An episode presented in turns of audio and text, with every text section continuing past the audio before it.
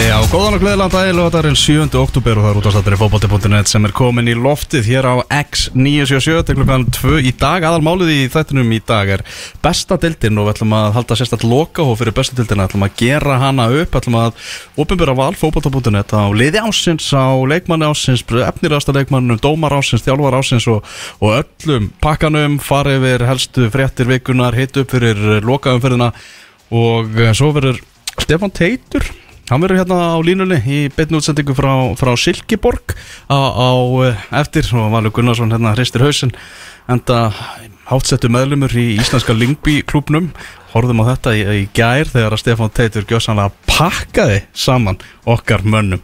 Það er engin Tómas Þór í þættinum í dag, hann er uh, mættur uh, til Breitlands eiga og uh, er að fara að mæta á leik Arsenal og Manchester City sem verður á morgun. Heldur betur safaríkur leikur um helgina. En uh, til að fylla hans skarð er eins og þú segir Valur Gunnarsson. Og svo er Bendit Bóas Indriksson bara væntalur á, á hverri mínútu. Já, Já, þetta er alveg leikur Arsenal City sko. Já mjög spennandi og hérna Það er ekkert allt og margir leikir sem að kýtla mig svona mikið í ennska boltarum í dag eins og Asana City, skal við ekki hérna Já, heyrðu þarna á að endur taka endur spila Tottenham Liverpool? Nei, það held ég ekki og ég held að Klopp hafi nú vitað að það var aldrei að fara að gerast. Nei, En litla umræðin sem er búin að vera út af þessu En hérna, en mér finnst gott þarna sem mangaði posti Google knarsbundustjóri Tottenham sagði Þyrftum að endur spila 365 leiki á ári Já. Ef að við erum að fara að endur spila leiki það sem að verða eitthvað svona mistök akkurat, en, þú veist, auðvitað er þetta bleitant mistök og þetta gerist fyrir Liverpool og svona en, gigantískt, en, sko. en já, já, ég held að Klopp hef aldrei, aldrei hérna, talað að það verður raunaðu möguleiki En eins og ég segi, það eru rosalega umræður og það þarf náttúrulega að fara að skoða þetta varkerfi hjá hérna hjá ennsku úrvarsleildinni það virðist virka ágætlega öllum öðru löndum en aftur ég held að, að, að, að Klopp hafi nú bara verið svona hrist ykkur búr þarna, koma umræðinu af stað orðað þannig. Já, aðeins að pöngast í mönnum. Já, þannig sé. Já, þetta er náttúrulega búið að vera það sem er búið að vera bara algjörlega í umræðinu og á öllum kaffistofum núna í heila viku. En það er ný umferð byrjuð í anska boltanum og hátegisleikurinn er farin á staðu Rögn Lúton og Tottenham og það er staðan markalaus eftir rúman hálftíma á eh, þessum skemmtilega velli Lúton manna. En uh, já, af nægu að taka ég með fullt af umræðupunktum hérna meðal hans líka að skoða landslið og, og, og ég veit ekki hvað og hvað. En uh, hingað er mættur Benedikt Bóas Hinriksson. Já, aðeins og, aðeins og seint Þú ert í útréttingum. Ég var í útrettingum að því að hérna Brasi. Já, smá brasi. Að hérna Óli vinnu minn er að standa á mótmælum hérna í, í áðustu velli gegn lagseldinu Já, En ég er með bolla hand ykkur frá Já. honum. Það er hérna Það er ekki áður bara gjafir í byrjun. Já, með lögum skal land byggja en með ólögum eyða. Fyrir 60 árum var það ein á, nú er það allt landi Já, vel, þetta Þetta er rosalega flottu bolli og sérstaklega þegar þetta er með límið að setja á hérna Já, þetta logo, við, þetta, hérna, ánægð með já, þetta ég veit að þetta var ætla að nota núna Já, algjörlega Já. Ég, ég vegi Óli drukkum kaffi úr þessu áðan Þetta Já. var fínt sko. Ég fæ notað Þú, bolla, þú ég- færð bollan að sóla sko. Nú, ok Fýlingur heiði, það Já. ætla ég ald- aldrei þú hann Það er þannig Það er bara beint á brasir í kásnes og beint hingað sko. Þetta er geggjað sko. Herru, já, hvað segi ég? Við segjum alltaf það hérna Fyrsti umræðupunktur á blaði Já. í útastættunum þennan lögadaginn mm. Óskar Rapp er að fara til Haugasunds á mánudaginn. Mm. Hvað hann er að fara að gera það? Kemur bara í ljós. Það kemur í ljós. Ég finnst þetta svolítið skrítið. En er hann ekki, hvað finnst þið skrítið? að, að hann sé að fara þarna út að hitta ég er ekkert að taka þetta í gegnum eitthvað, eitthvað eitthvað, nei, nei, kannski ekki en, en hafið sko sífið hjá Dananum sem hann er að keppa á móti um þetta starfið það Já, Ekki Grant. Mikael eh, Silberbauer heitir, heitir þessi ágæti Dani 42 ára gamall. Og uh, ég var búinn að heyra það einmitt að þeir stæðu tveir eftir við vorum með langan lista nú erum komið á úrslit af þættinum. Í Idol, Idol Haugasund. Já, þannig taka þá tvö lög hvor.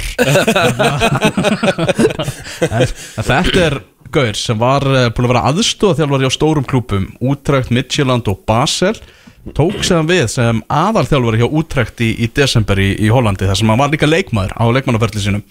Hann var rekið frá Útrækt í loka ágúst eftir að liðið tapaði fyrstu þremur leikjum sínum í hollensku úrvastildinni hann á 25 landsleiki fyrir Danmörku og leikið einnig fyrir FCK og Young Boys Já, þetta er svona allavega sífið þessi leikmaður en ég, held, ég, ég vona innilega fyrir Óskar að hann fá þetta starf. Já, algjörlega Ég held að hann þurfa á, á nýju umhverju að halda Já, sko, ég held að hérna uh, CV er eitt og hugmyndir eru annað, 100%, sko, og ég held að hérna Óskar geti, sko, ég meina við höfum allir hlusta á Óskar þegar hann er að tala bara bæði hér og í fjölmjölum og annað með sínar hugmyndir. Hann, hann er mjög uh, samfærandi maður og hérna uh, ég hef miklu meiri trú á því að Þú veist, ef, að, ef þetta fyrir símakostningu þá hérna, hvetjum við alla til að kjósa en hérna, ég held bara að hann muni gera negla þetta með, með góður í ræðu, hann er já. mættur og það er allt annað að taka þetta á Já, veit, sko, það er fínt fyrir hann að fara út sko. Já, mér, mér já. finnst en, en þú veist ekkit, finnst ykkur ekki skrítið að hann sé að fara í starfsviðtal ofinbeglega út í útlöndum þegar hann er ennþá með breyðabíkstarfið og, og þú veist Nei, Er það ekki? eh, já og nei Þú veist að sjálfsögð er þetta eitthvað bara Þú veist, ég meina, hann er á fimm ára samning hérna hjá Já, já. blikunum og þú veist, það er svolítið opinbert að hérna hann sé að fara bara eitthvað En En, veist, hann er að bara að fara í atvinnum sko. Við erum bara, let's Já, face it Við erum áhuga menn og þú veist, það er eitthvað lið sem hefur áhuga á þínu leikmanni þá er það frekar opinbert Ég held að, ég held til dæmis að Arda Gunnlaugsson sé bóttið með það hjá stjórninni ef að á miðju sumri ef að Rosenborg kringir eða eitthvað þá er, þá getur vikingur ekkert sagt bara nei. Nei, nei, ég, ég Nei, er nei. sammála. Ég, ég er alveg sammála ykkur. Þetta er, veist, en, en ég skil alveg skil- skil, þú veist, að auðvitað er þetta sjoppulegt og sveitalegt en við erum svolítið sveitaleg sko. Þú veist, þetta er bara þetta er bara bestadeildin og, og þú veist, Þetta stærsta er ekki bara budgeti í bestu til þetta gerist um allan heim Já, stjó, að stjórar eru að stökkva Já. Til og frá sko. Já, ég, ég vona innilega að hann fá þetta starf algjörlega. Alveg bara innilega og ég, sérstaklega því að sko, þegar maður kynni sér haugasund Já, Benni er búin að gera það. þá hérna þá er uh, sko þá er það þannig að, að hérna höfnin í Haugasund er svo stærsta í Nóri Ok, og þar er uh, komið uh, fyrirtæki sem að er að smíða mér langar að segja oljuborpall er, heitir það ekki? Jú, jú. Já og hérna og þetta er svona ígildið þess að vera með bara nánast álver hann í Haugasundi og það er að koma inn sko uh, miklir peningar Ok. þetta er eitthvað svona angi af oljuævintýri normana er núna eða, þú veist, ég held að hann sé nú reynda búin að vera í smástund Já. en það er að koma miklu meira sko. Þannig að Óskar Rafn er að fara í oljupinninga Já, hann er að fara í peningana. og hérna uh, og það er uh, hérna uh, já, ég svona skoða aðeins þetta fyrirtæki sem er verið að hérna, er hann á höfna, hafnasvæðinu og þetta er uh, þetta er, þetta er stórt þetta er svolítið stórt og smíða stóra hluti og, og hérna þannig að þetta, er, þetta er, verður peningaklúpur Er það í að því? Já. Sko, sko ef, að, að Haugasund fer niður þeir eru náttúrulega í umspils fallsæti Já. eins og staðni núna, eru bara í halvri fallbaratu fyrir lífið sínu í norsku úrvastettinni mm. Þú veist, ef, að, þetta er rétt sem þú ert að segja þetta sé bara svona oljuveldi má vel að segja svona mini að verða að verða, að það sé komið meiri, meiri penningar hérna inn í, inn í bæjarfélagi og þá vantar inn í klúbin sko ég held að sé ekki búið að staðfesta þessa peninga ég held að sé á leiðinni sko. Ég held að sé það hann þá gæti það að vera í mögulega bara fínt fyrir Óskar Rafn að taka við þeim í norsku bjettildinni og.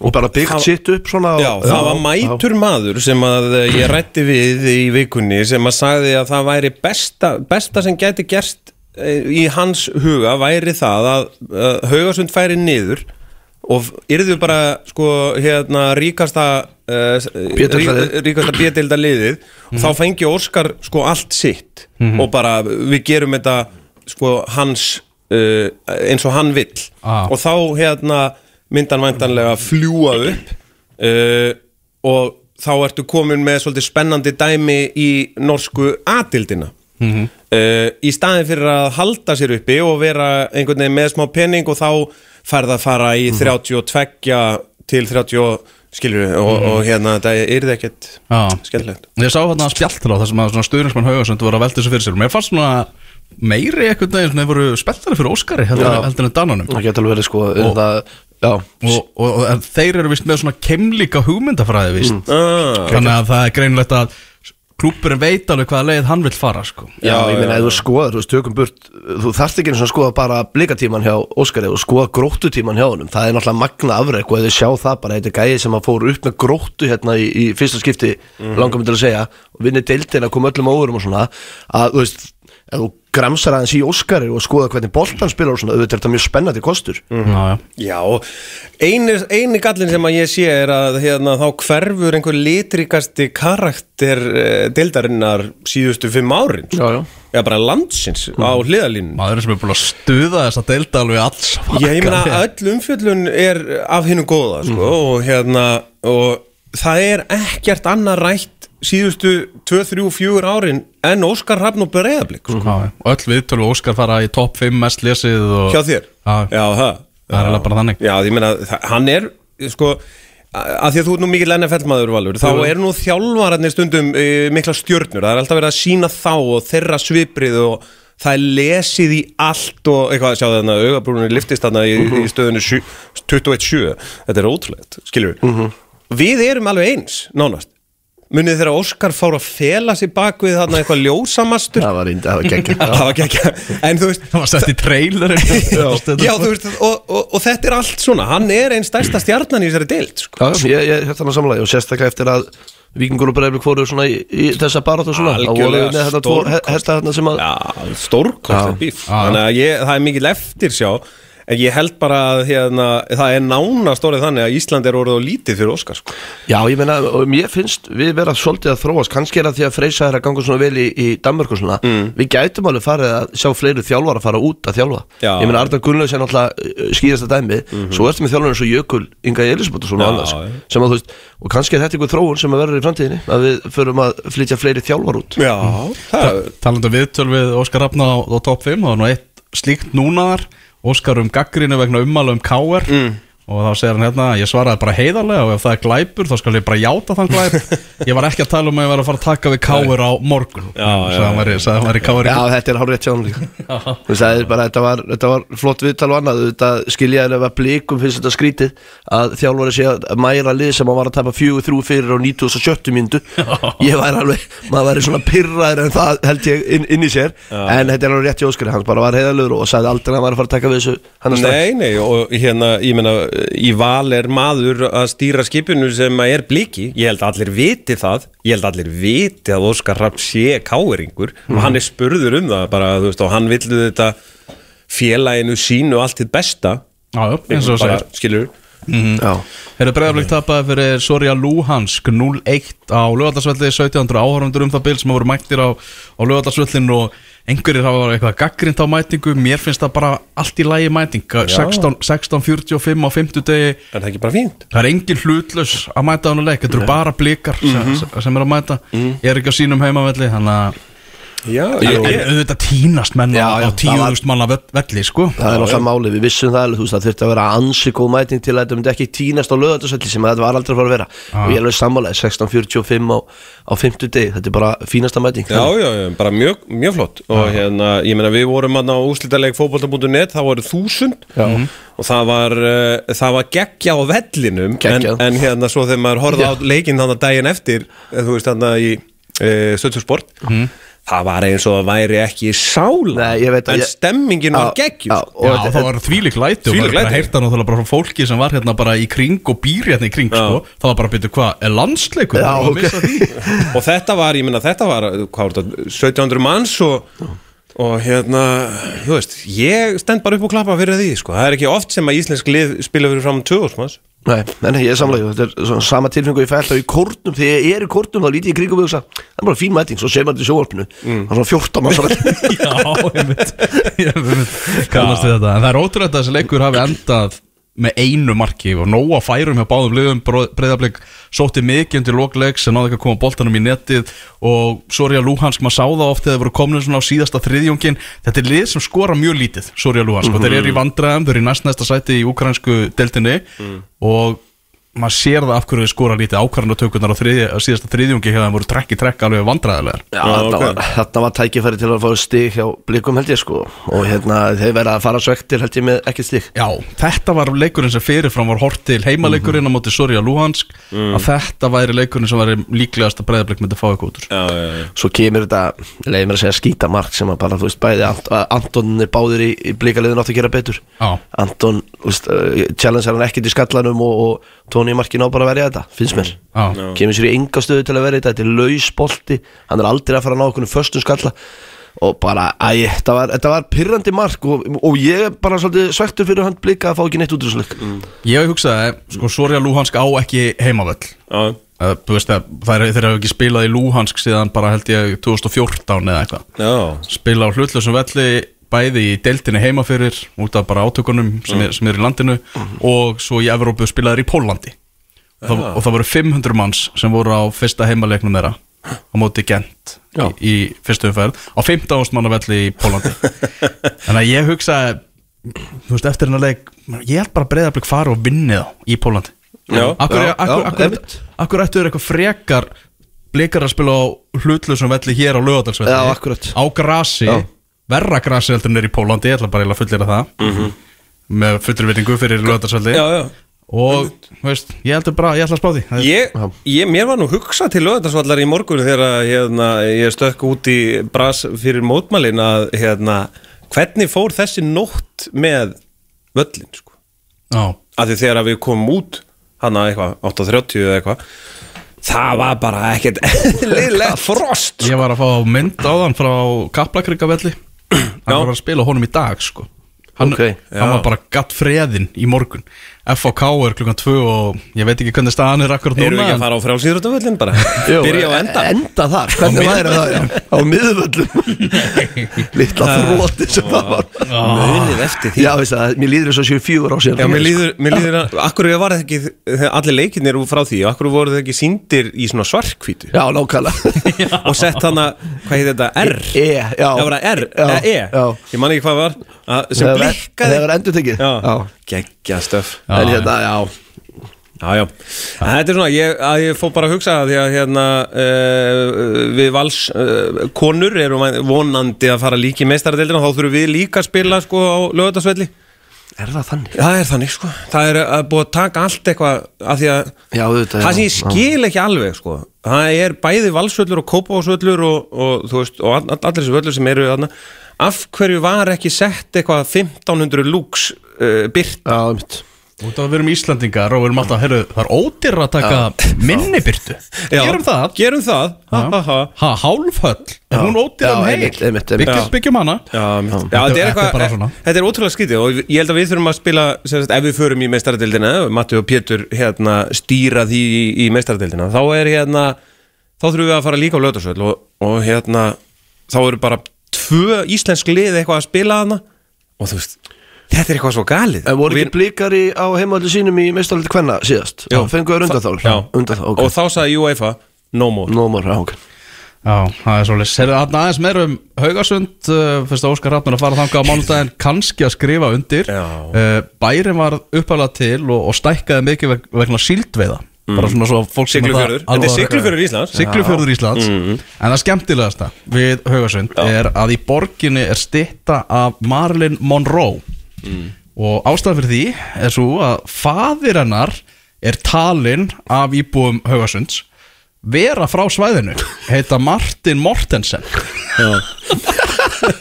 Þetta er það þegar að Það er Elvar ekki einu sinni staðfest Það er telja það bara. telja það bara. Herru, Elvar, uh, hérna, við vorum að ræða þetta á fimmtudaginn og, hérna, og Elvar segir, nú ætlum ég að segja sturlaða staðrind og hlóði þetta. Já. Ég þurfti að, ég þurfti að staðfyrst þetta sjálfur. Af því að ég var bara, ha, þú ert að ljúa Herru, og stittan er bara, þetta er geggjur stitta sko. Flott stitta, Já. ég er alltaf við hafnarsvæði Já. og ég held að leikmenn Haugasunds leggja alltaf blómvönd að, að stittunni í uppáði hvers tímabils Svo á þjálfarinn að syngja hana, hérna, Happy birthday, birthday Mr. President Hún er svona eins og litla hagmeðan Hún er ekki einu sinni í fræðu stellingunni sinni. Hún er svona eins og litla hagmeðan hann Já. Já, þetta er skemmtilegt. Þetta er stittan Marilyn Monroe. Marró, þetta er random Þetta er bara Michael Jackson og fulla vellinu Það var ekki? Æjæjæ Heyrðu rauði treyðlinn, hann er komið fram. Já, Við ætlum að fara að eh, veita velun Það er ekki flóknar en það Besta dildin að klárast um þessa helgi Loka umferðin, flesti leikinnir í dag Eitt leikur á morgun og þá klárast þetta. En uh, við erum búin að reikna allt saman Sérfræðingar og, og fréttamenn Fóbota.net Það var valið lið ásins og, og þá bestu í, í hverjum flokki Og ég held að þessi bara Við skulum bara byrja á besta dómaran 2023 og það er sjaldan verið auðveldar að velja dómar ásins, ég ætla bara að segja það. Já Ég er sammála því. Já. uh, Erlendur Eiríksson okkar reyndasti. Okkar er, reyndasti og er besti. dómarinn 2023 Já, ég, ég er alveg sammála þessu og ég var mynda að hugsa þetta og, og, og þú veist, mér fannst hann bara heilt yfir bestur í, í sumar, þú veist. Og það sem að gera Ella, þú veist, svo góðan dómara hann er svo yfir og rólur í öllu sem hann gerir þú veist, og, og eins og ég, var bara held yfir frábæri sumar. Frábær sumar sko, eh, Valur Káa, fjögur tvöleikurinn í ágúst Hann var í rauninni það frábær uh, Hjá Ella Að ég hefði eiginlega sko, Valið hann bara mann leiksins. Já, ok. Það var, þú þú veist, þetta var, hann, var- hann var mjög góður hjá okkur uh, Valsmönnum og, En það hefði ekkert komið á óvart Ef að, þú veist Elli hefði bara verið valinn maður leiksins. Það var geggjað, sko. Þannig að, hérna Já, var ekki, hérna, var hann ekki valinn Síðast bestu 2015 eða? Hjá .net Jú, 2015, Já. Jóhann Ingi búin að taka þetta síðustu tvö ár Ívar Orri tók þetta tvö ár í, í röð þar á undan Er Jóhann ekki búin að vinna tvör Já, Já, ok En ég veist bara, þú veist, allir leikir einhvern veginn sem að uh, þú sérð að Erlendur lappar leiðir leikmennin á völlin þá veistu einhvern veginn í allt sumar búið að vera, þú veist, þá ertu svona það er no Já, bullshit, sko. það, ég samanlega, mér, það er svona tilfinn sem ég fæ alltaf þegar hann og Pétur Guðmunds er að dæma það er svona uh, safety tilfinning ykkur Já. en hérna, en heilt yfir hefur mér þótt þetta mót verið dæmt vel Já, já, þangandi kannski aðeins upp á síðkastið eins og þessi, þú veist villi búin að dæma þarna að víti þegar voru aukasvinna og annað sko, Mm. en mér finnst þetta mót í sumar hafa verið dæmt heilt yfir bara vel. Ég, já, já, ég held að sé ekkit upp á þá að klaga, sko, veist, þetta er náttúrulega auðveldara fyrir, sko, þjálfara og leikmenn að uh, suða og Mhm. yfir einhverjum dómum, sko, þegar þeir eru búin að kúkja buksurnar, sko. Þannig að, hérna, þú veist, ég læti þetta nú yfirleitt uh, bara allt svona dómara hjal, já, bara ég leiði það fram í mér. Úrvalslið tímabilsins, lið ásins 2023 í bestu deildinni Við spilum 4-3-3 hefbundið leikjarfi í markiru Í úrvalsliðinu 2014, 2021 og núna 2023 Það er markverðurinn í, í langbesta liði tímabilsins. Það er Ingvar Jónsson sem uh, svo sannarlega kemur með yfirvögun og, og ró hérna í öftust línu hjá, hjá vikingum já, heldur betur og því miður þá var þetta bara lélegt mót sem markmönnum á Íslandi í ár. Ég held að við getum alveg sagt það bæði uh, í báðum austu deildunum. Og hérna og yngvar bara búin að vera langbestum finnst mér þess að Já, ok. Já. og bara þú veist, mér fannst Freyri Skram mér þess að detta aðeins niður þarna eftir góða byrjun og svo fannst mér mér, finnst- mér finnst næst besti markmaðurinn með þess að vera má ekki nefna hann, en það er Átni Snær hjá stjórninni, búin að vera næst bestur í, á mótunni í ár. Og yngvar, eins og ég segja, á þetta svo sannlega skil en það í langbesta liðinu. Þú veist, fá þessi 20 mörk í 22 leikjum í, þú veist, þegar, þegar þeir hættu að spila á mótið Já, já. sem var eftir 22 leikjum mótið.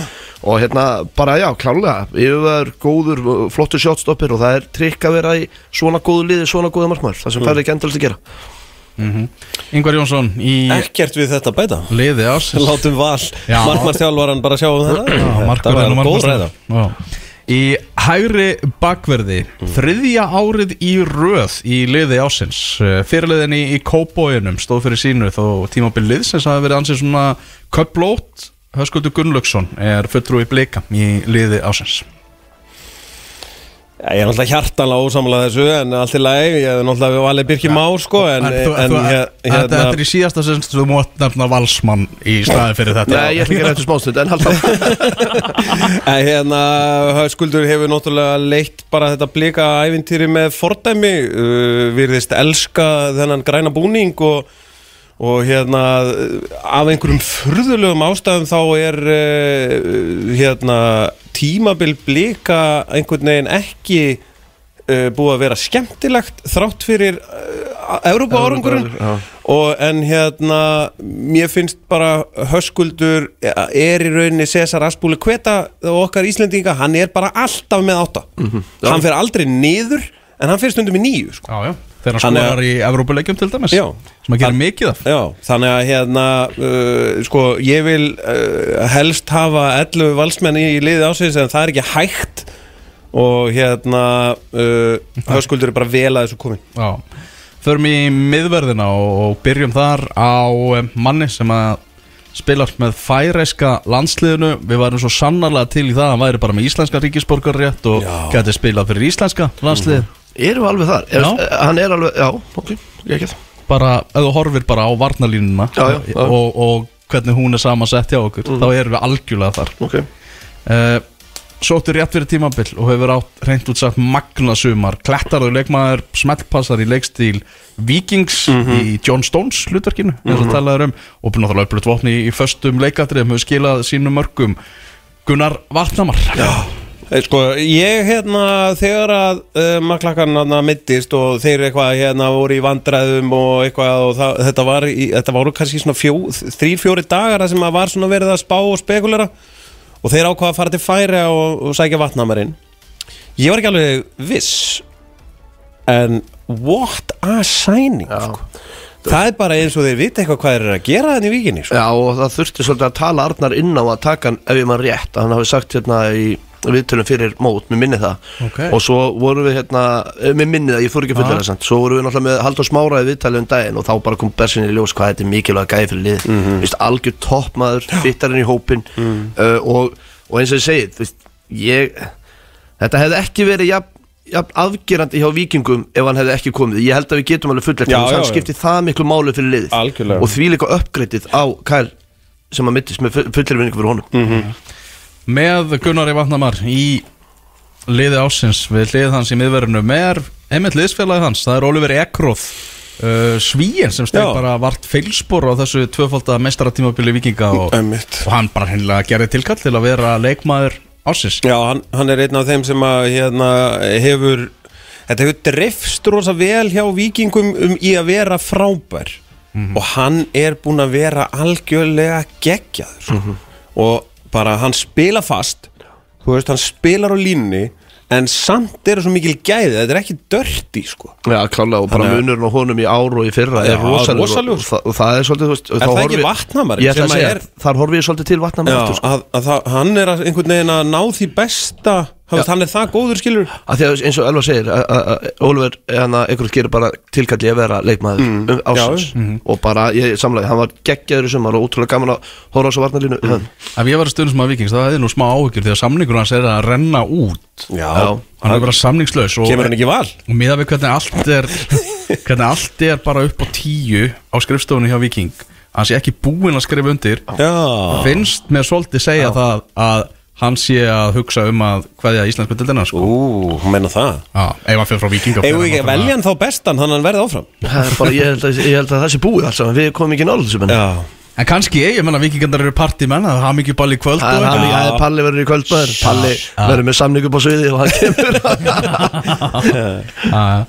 Vikingar langbesta lið tímabilsins og eiga líka vinstri bakvörðin í liði ásins það er Logi Tómasson, Tómasson Luigi Anna ári röði í liði ásins kláraði náttúrulega ekki tímabilið því hann var einfallega bara keiftur til strömskáttsett í Nóri sem að sýnir það hversu góður hann er og leikmaður sem að mun halda áfram að að bæta sig og þá mun hann banka á landslítirnar Alveg algjörlega hérna saman, þarna langar mig til að nefna uh, Anna Valsara sem að gera tilkall, það er Siggi Lár varst hann frábæri sumar. Hann er búin að vera frábær. Hann var helviti góður en Luigi eða Logi á þetta alveg 100% skilið eins og segir. Hann keftur út og bara vonandi gengur hann fínt þar. Já, ég meina, það sást alveg bara í það, það var leikið sem að hann spilaði að, að hérna, hann var eitthvað fyrir þetta tímabil sem hann gerði. Já. þú veist, hann kannski hérna bara eins og kannski Byrni Snær þá kannski finnur hann sína fjöl í lífinu þú veist, við- svona jafnvægið við- milli tónlistar, fýblagangs og fótbolta. Og hann varð bara einhvern veginn logi 2.0 sem hann uh, lísti hann yfir. Og það, sá logi er bara er góður helviti góður, Ég, ég veist, þetta var, ég, ég held að er, hann er ekki svona góður aftur, ég skal Ég- viðkynna já, ég- Og ég skal alveg viðkynna og, og bara sem betur fyrir hann þá bara Og ég held að hann sé helviti góð umhverfið þarna eins og þú segir. Og vikingar halda vel utan um hann Mhm. Ég held Við erum komin á miðsvæðið í liði ásins og eh, Benni, við erum með valsmann. Hlynur Freyr Karlsson, þessi 19 ára leikmaður sem að sló svo rækilega í gegn með, með vali í sumar. Mikil fjölhæfni, við höfum getað hent honum bara hvað sem er nánast í þetta úrvalslið hvað sem hann var bara í miðvörðin hægri bakvörðin eða á miðjuna og við hendum honum á miðjuna í lið ásins Já, ég held að hérna, uh, Hlynur er að verða svona svolítið kvöld híró í, í val. Hann, hérna, uh, hann er fylgin sér og áræðin og lætur sér vaði í tæklingar og, og ég meina hann er búinn að halda haugpál út úr liðinu og hérna uh, það er bara, veist, okkar kaftin fantastik hefur bara gert það sér að góðu að, að þurfa að setja á, á, á spýtunni og hérna og hlinur er bara hann með góða skiptingar hann hlustar, hann tekur eftir og ég held að Arnar sé bara hann komst einhvern veginn akkurat í hendunar á Arnari sem náða mótan í, það þá gæði sem að hann hefur sínt Ég er bara, ég er samlega mér veist að einn af skemmtilegustu leikmannum sömarsins og, og hversu óttu við ekki sé menn sem koma frá, hann kemur frá Bologna eða ekki, Mm, jú. 19 ára og bara einhvern veginn svona kóðuna niður, vera bekkjamatur, kom inn á eitthvað smottir innpakt, Já, já. bara geggjaður Geggjaður. og hann hefur bara tekið þetta mót svolítið svona running sko, hann, hann, kom ekki til að mæta held ég á innuskónum á æfingar og, og hérna og vera spaði sko og hérna þú veist hann er, hann er ekki með neina kvíðaklippingu og það, það er allt í lægi sko, þú veist hann er bara með bara hausinn held ég rétt skrúaðan á og, og hérna og við í stúkunu hefum uh, tekið ástfóstri við hann. Já, ekki stúkun á stöðu sport þá Nei, stúkun á, á valsvelli. Þannig að hlinur, já, maður er það líka hann sé kannski ekki svona svo að sé ekki að skara fram og kannski á æfingum en það kemur leikdagur, það kemur game day þá er þessi gaur bara ready og frábær. Pablo Puniet Víkingur, hann er einnið þarna gríðarlega mikilvæg hlekkur í mestaraliði Víkings algjör sigurvegari og mikill keppnismæður var einnið í liði ásins þegar Víkingur var Íslandsmestari 2021 og, og því lík ferilskrá sem að þessi maður hefur búið sér til í íslenska fótboltan bara, þetta, hún er eiginlega ótrúleg sko. Þetta eru stærstu vistaskipti sem hafa verið í fótballseldi þegar hann fór frá Káir í Viking það, er, það er bara breytti öllu fyrir Viking Já. Já, og, gerði það. og, og, og hann bara já eins og ég segi, þvílíku vinner og ótrúlega yfir á miðina það hjá vikingum og stjórnar öllu bara unun að horfa mm. spila í íslensku deildinni. Stjarna uh, Pablo Puniet hérna í ár uh, það hefur einhvern veginn verið þannig að hann hefur verið svona svolítið the unsung hero. Það veist, uh, í öllum þeim liðum og afrekum sem hann hefur og öllum þeim titlum sem hann hefur hérna þá er bara einhvern veginn svona þessi bestur, þessi bestur og eitthvað svona. En núna í ár finnst mér eins og fólk hafi sér búið að taka eftir í hvað hann er raunverulega góður og hann er búin að vera frábær Já. Gekkjaður. Á miðsvæðinu einnig og þar erum við með annan leikmann valsmanna Aron Jóhansson sem skoraði á dögunum mark sem mögulega bara er mark tímabilsins. Mm. Þetta er ekki bara mark tímabilsins? Þetta er bara með fallega mörgum sem ég hef séð þannig að ég ætla að vona þessi margtíðin Já, og þetta mark segir bara að það getur framkvæmt hluti sem fáir í deildinni geta, geta gert.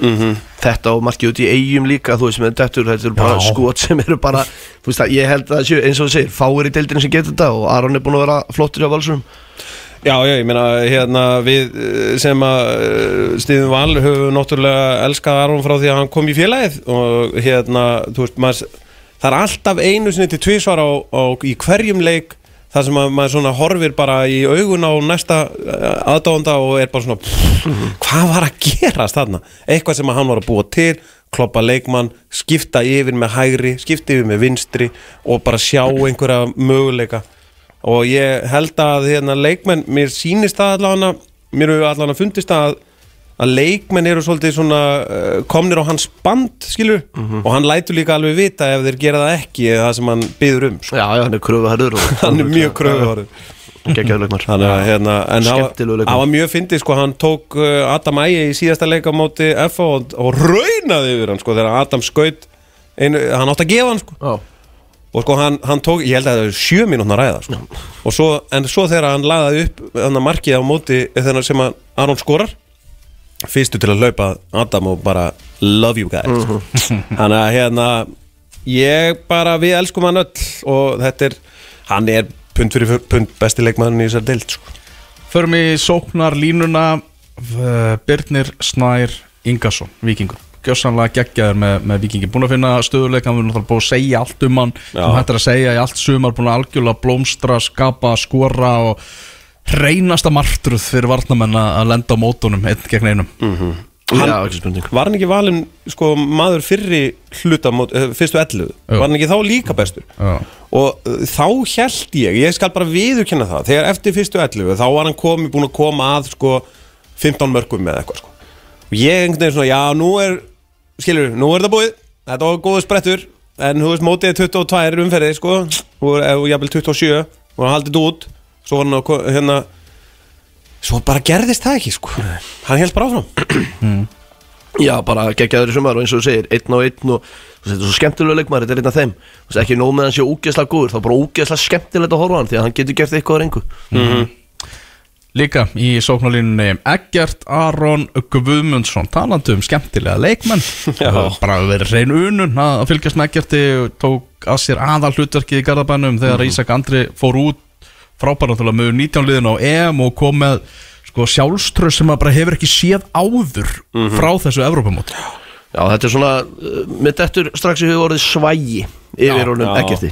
Það er bara þannig, þú veist, hann er bara Hárrétt. Hann er svo Vel með þetta og ég meina þegar að 19 ára, eh, hvað er hann gaman, 19 ára þegar líka. Og hérna, þegar hann er farin að stjórna föstum leikandrum, það segir bara helling um þetta. Já, já. Það er bara, ég alveg talað, þetta er fáranlegt þegar þið spyrir mig, það er að segja geggjað á góðan hátt. En ég meina, hve- þegar þú varst í, í, í rammanum í gamla dag og það kem einhver 19 ára að skipa hvernig það átt að gera útfæra först leikadri hann í leikni, hefur þú hlusta? Ef hann væri búin að vera bestur í liðinu mínu tvö ári röð, þá myndi ég líka hlusta á hann. Já, ok. Hann er búin að vinna sér inn þetta respekt. Það er ekki eins og þetta sé bara gutti af, af hérna guttina inn sko. Nei, nákvæmlega.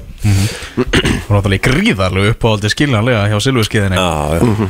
Emil Atlasson, það eru tveir stjörnumenn í þessu liði og við skiljum að sjálfsögðu ekki markaðista leikmannin eftir að með 17 mörg hefur komið ótrúlega upplugur inn eftir erfið meðsli raða en mörgum og hefur sagt að sjálfur að hann hafi fundið gleðina aftur í fótboltanum og það sést svo sannarlega inn á vellinum. Hefur verið framúsgarandi í fremstu víglinu hjá stjörnunni Mikilvægasti leikmaður eða, er Ég held að þetta sé, ef við myndum kjósa MVP Þá væri Emil líklega MVP Mikilvægasti leikmaður sínsliðs Já. að Því að sjáu bara munin á stjörnunni Þegar hann var meittur og svo eftir hann kom inn. Hann er gigantískur Auðvitað getum við talað um allt og menn stigu upp og alls konar svo er Og þetta er held ég það sem Óli Jó nefndi í þetta í sumar að, að þú veist, er ekki inn og ég held að Emil komi bara inn í, í næsta leika eða eitthvað áleika sko. mm. skiljum hvað ég menna þetta er rosalegu munur á liðinu. Ég man ekki alveg nákvæmlega hvernig það en þetta var alltaf munur á liðinu þegar Emil var inn á og þegar Emil var ekki með er rosalegur Já, mér bara, hérna, hjartalega samlaði og, og mér veist hérna líka eins og móti káer þegar þeir voru svona, hérna, svolítið direkt bara dundra fram og hafa hann og langan og allt þannig að sjá Emil Atlasson bara í loftinu er nóg fyrir mig, sko. ég, ég þakka bara fyrir Eh, hann á eitt mark í að jafna metið það er ekki rétt sem er, þá fer hann í átján mörk er það ekki metið sem hann jafna þá? Var það ekki 19? er það 19? Já, ok, það eru tvö mörk, ok ég veit ekki, hvernig, eh, hvernig lesum við í metið núna þegar þetta eru 27 leikir? Já, þetta er ekki, er ekki öllum sama um þetta Nei. og ég sá að frendi minn Sigmundur og Steinarsson fyrir bristjóri morgunplassins og hann finnst það gjössalega fárálegt að vera í svona breyttu umhverfi að vera ég er sammálaði bera þetta saman við miklu færri leiki á árum áður sko.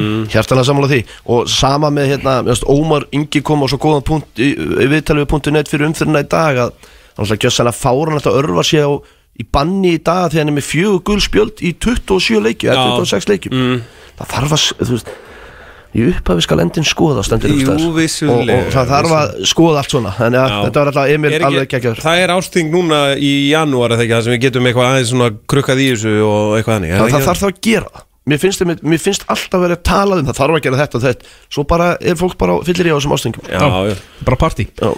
Lið ásins í bestuheldinni Við afgreitum hérna, við afgreitum hérna Ársting KSI hans í rosalega Já. Einnig setning Það var ekki með Ingvar Jónsson, Höskuldur Gunnlaugsson, Gunnar Vatnamar, Oliver Ekroth, Lógi Tómasson, Hlynur Freyr Karlsson, Aron Jóhansson, Pablo Puniet, Birnisnær Ingarsson, Egert Aron Guðmundsson og Emil Atlasson. Þetta lið myndi vinna þessa deild með nýju stegametti. Ég held að það sé alveg ljóst. Ef að Arnar er að þjálfa það, já Já, og, að, og er og við skulum bara láta hann þjálfa það því að Arnar Gunnlaugsson er besti þjálfarinn 2023.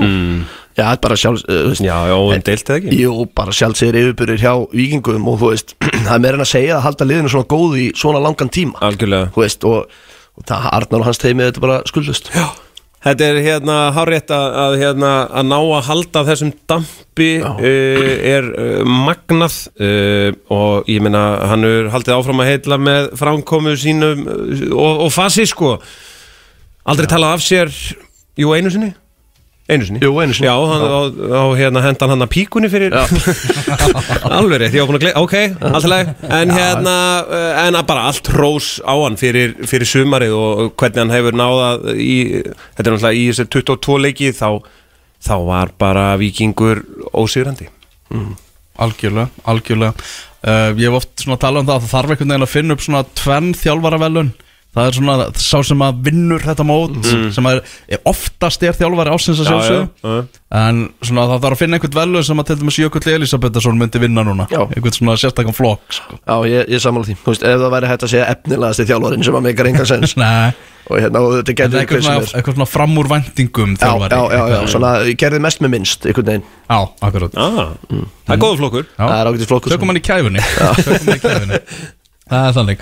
Heyrðu, förum yfir í eh, efnilegastan 2023 Margir, bara ungi strákar sem að voru að blómstra í, Já. í, í sumar og, og líka núna í úslitakjarninni Hann er náttúrulega sé, sé ný nöfn vera að skjótast upp á, á stjórnuhuminin En þegar að hólmum var komið það voru það tveir sem til greina komu Og efnilegasti leikmaður bestu deildarinnar. 2023 á mati fótbolta.net er hinn 19 ára gamli Egert Aron Guðmundsson sem hefur verið algjörlega frábær með, með stjörnunni sérstaklega eh, leikið einstaklega vel setnil hluta mótsins og komið með beinum hætti að 11 mörgum besti leikmaður 19 á, á EM tekur náttúrulega gríðarlega öll hlaup fram á við og reynst varnamönnum gríðarlega Uh, gríðarlega erfiðu viðreknar og hann er náttúrulega leiðin út, það er alveg vita mál það er bara spurning hvert hann fer.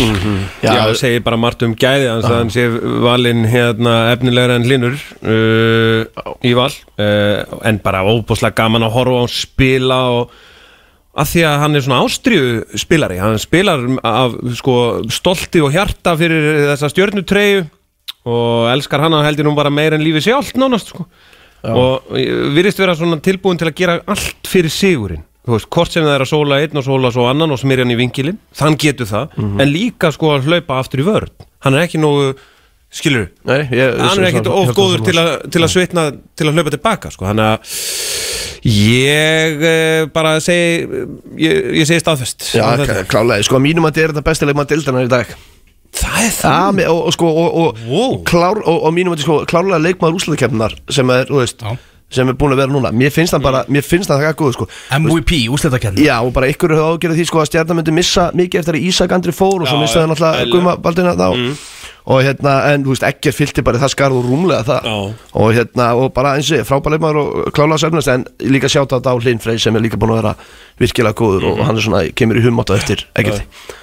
líka sjáta þetta hann var óta, óta atkvæðið. Já, já, En þá eru ein velun eftir. Það er leikmaður ásins bestur 2023 Fótboll.net velur vangmannin Birnisna Ingarsson besta leikmann bestu deldarinnar 2023 Leikið við kvötsin fingur á tímabillinu Lekilmaður liðilík Viking sem vann byggakettin á Íslandsmeistara titilinn Fórum náttúrulega fagurum orðum um, um hann hérna áðan.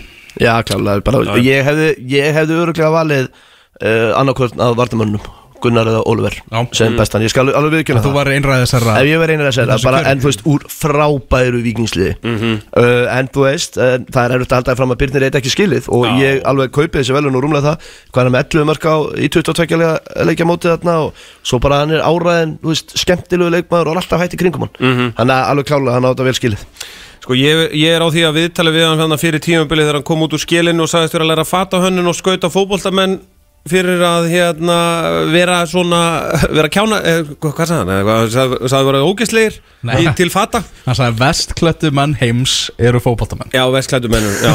Ógjösli Já, e- eiginlega ógisleir Já, hérna, ég vil meina að þetta viðtala hafi verið neistinn sem kveikti þetta óbúslega bála því að ég meina að hann kemur bara þarna út og, við, og, og maður les þetta og þá, þá þú sérð að hann er búin að finna sína hillu í lífinu og þegar það er þú þekkir það nú í, úr framhaldsskólinu þegar þú ert búin að finna þína fjöl þá er gerast nú yfirleitt góði hlutir. Og hefur eiginlega verið óstöðandi bara skorað leggjandi upp, takandi menna og skemmt áhörundum í allt sumar Gjósalega, gjósalega frábær og Byrtin Snær er uh, leikmaður ásins samandi fótbolta.net Já, já. og á það bara fyllilega skilið Það er algjörlega þannig. Þannig er uh, veluna afhendingin ætlum að taka okkur smá kaffi hér Mætu séðan hér á Ef eftir. ekki að prófa bollana? Prófa nýju bollana. Uh, Hér á eftir ætlum við meðalans að ræðum landslið Hittu upp fyrir lokaumfyrirna í bestu deltinni Og ringja til Kongsins ætlum að ringja til Danmörkur Elva Geir, Valur Gunnars og Byrðið Bóas með ykkur í útastættunum fókbóti.net lögadaginn 7. oktober Gaman að vera hérna í þráðbeitni útsendingu Já. Já, vorum í upptöku fyrir viku síðan vegna þess að þá fór allt hérna í skrúfun í tæknilega séð Já, það var allt breyka loga sinna að kenna, ekki gleyma því Já, Breki Lóðarsson ber alla, alla ábyrða því Við vorum hérna að veita velun fyrir eh, bestu deild kalla og það er hægt að lesa um þetta allt saman inn á fókbóta.net þar getið þið séð lið ásins uh, og, og hverju hlutu í, í hvaða flokki? Allt mættin á síðuna. Já, mér er skemmtilegt að allir þeir velunahafar hafa uh, séð sér fært að koma, komu við hérna til að sækja sín velun og, Bollan, og, já. og, og góða velun Já, já. og hérna Rétt áður en þið fara að keppa núna eftir Já, það er klukktíma já, það er klukkt Já. já. Heru, það er, eh, fyrst við erum nú að tala um bestu deildina. Nýjasta lið bestu deildarinnar Vestri. Mm. Vann afturöldingu í úsleitaleg umspils lengjudeldar Karla fyrir viku síðan. Þú mættir á völlin, Valur? Já, því meður Já, þetta var ekki leikurinn Það sjálfur var skítkast og bara hræðilegur fótballtaleikur þegar þið spyrir mig og ég fór eftir 90 myndur Já. Ég hef bara aldrei gert það áður, ég fór fyrir framlenginguna Já, og ok. kláraði þetta heima. Já, Já. Vissulega var eitthvað lokað um kvöldi sem eru frá okkur en, en þetta var ekki skemmtilegur fótballtaleikur og, og bara slagur sem að vestaramenn voru alltaf að fara að vinna fyrsta leikun endaði svona þú veist, og fór í þennan leik. Já, Það fannst manni og, hérna, og mér fannst vestri bara betri.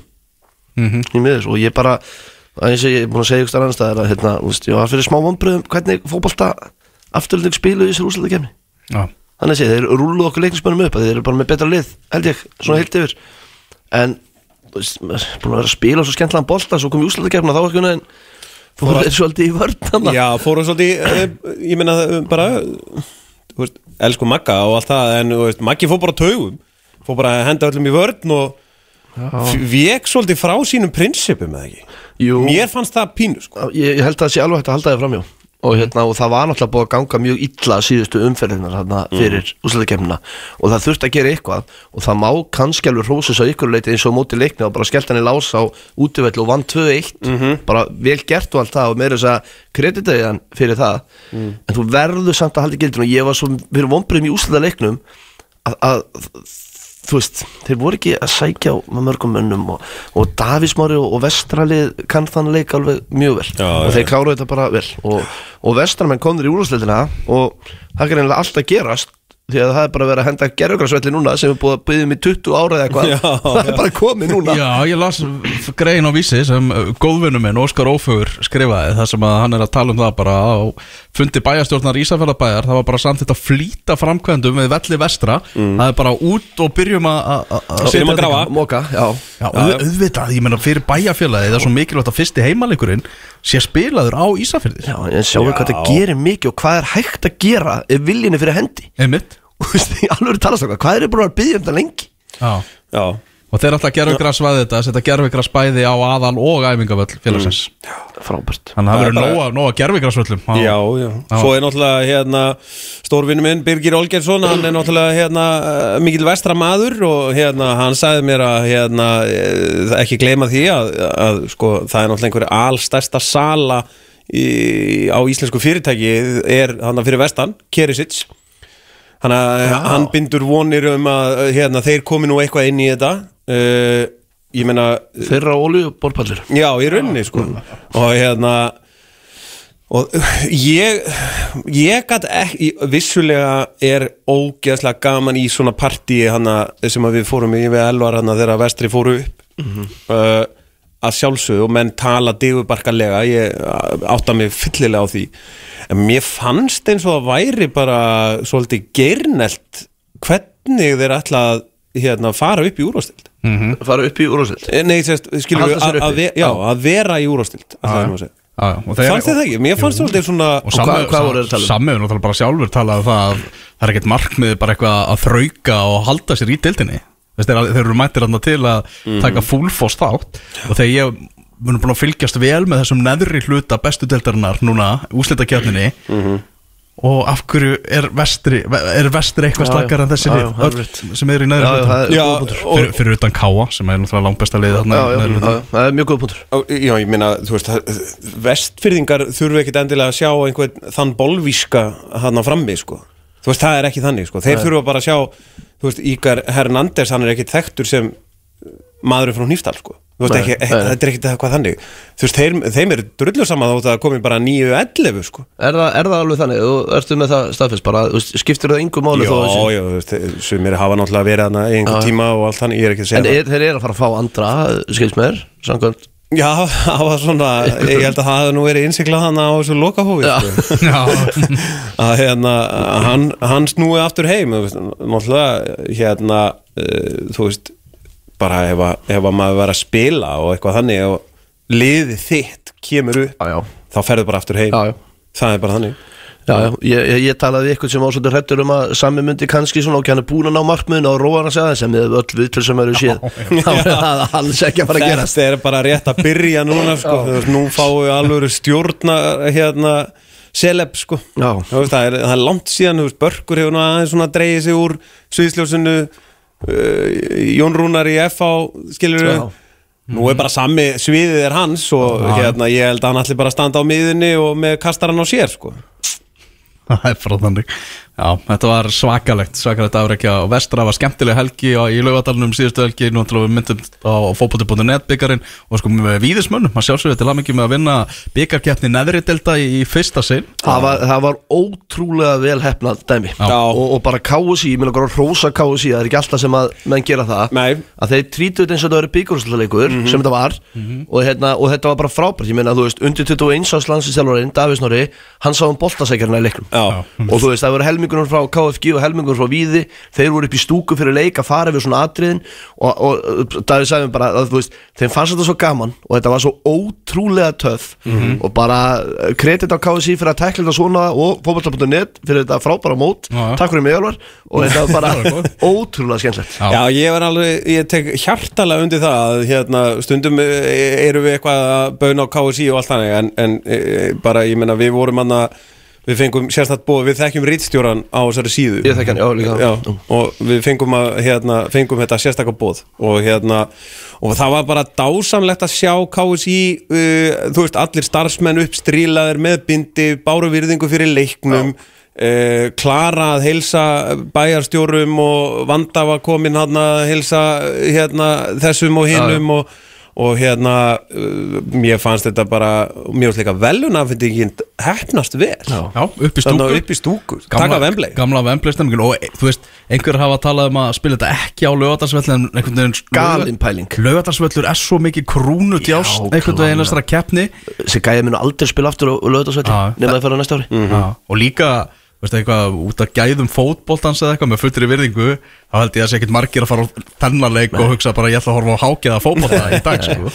Mér, mér finnst þau rauk halda betur með lengjudildar úsletarleikin Já, ekki voru gæðum þar mikil. Nei, en þú veist, mér finnst þau rauk halda betur þar því að það er actually þú veist, það er svona aðeins meira undir þar með fullir vingur sem fótboltum.net byggandum en þarna hafið þetta lögðarsöllunum sem gæjar að koma að flestir, ef ekki allir í fyrsta skipti og mögulega eina skipta ferlinum spila undir það læts Víðismenn voru mættir hann að rétturlega þú veist, tvöðum daginn og leikunum var klón sjö og það, það var ekki tilbúin hjá KFC það var ekki opið og ekki neitt sko. og það allir að taka selfie og þú veist, allt ég, veist þetta er bara frábært. þetta er bara minning sem að muni lifa og bara allt hrós til KFC og, og, og ykkar elvar. Það var ekki ekkert, bara frábær, frábær samvinna og ég er bara strax fann að hlaka til næstu já, Er hljóðheimurinn, hann er heyrist, uh, lögadarsvöllur, hann verður vettvangur fleiri leikja núna á næstunni, það eru sabastilda leikir hjá blikum og svo náttúrulega þessi landsleikir sem að framöndan eru, við erum að fara að mæta Luxemburg núna næsta föstudag,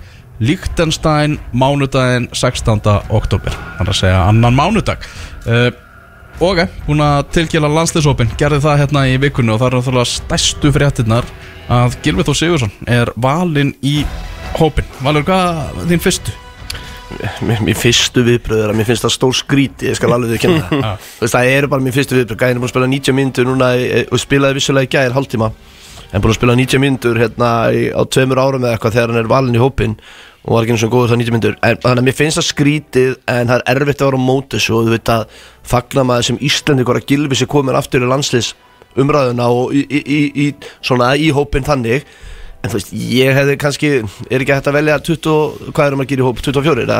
23 23, ekki hægt að velja 24. mannin sem eða eitthvað. Skilur, mér finnst þetta svolítið skrítið en ég fagna þessu sem Íslandingur Já, og er sko klárlega þarna bara að hugsa um umspilið í mass með þessu vali, fá. Gilva til að vera hluta á hópnum strax læra inn og sínar áherslur og, og leikaferð. Svo sé bara allt á hreinu þegar kemur af þessum umspilsleikjum því það mesta líkur á því að við förum í þetta umspil það er ennþá tölfræðilegu möguleiki að við getum komið okkur upp í gegnum hennar reyðil og þurfum við að byrja því að vinna þessa tvo leiki sem að framöndan eru.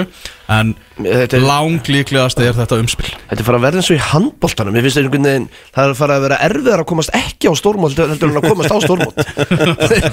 Skiljið hvað ég Þú veist, Alltaf, þú veist, í handbóltanum endum við alltaf bara í ykkur umspilu við Norður Makedónu eða eitthvað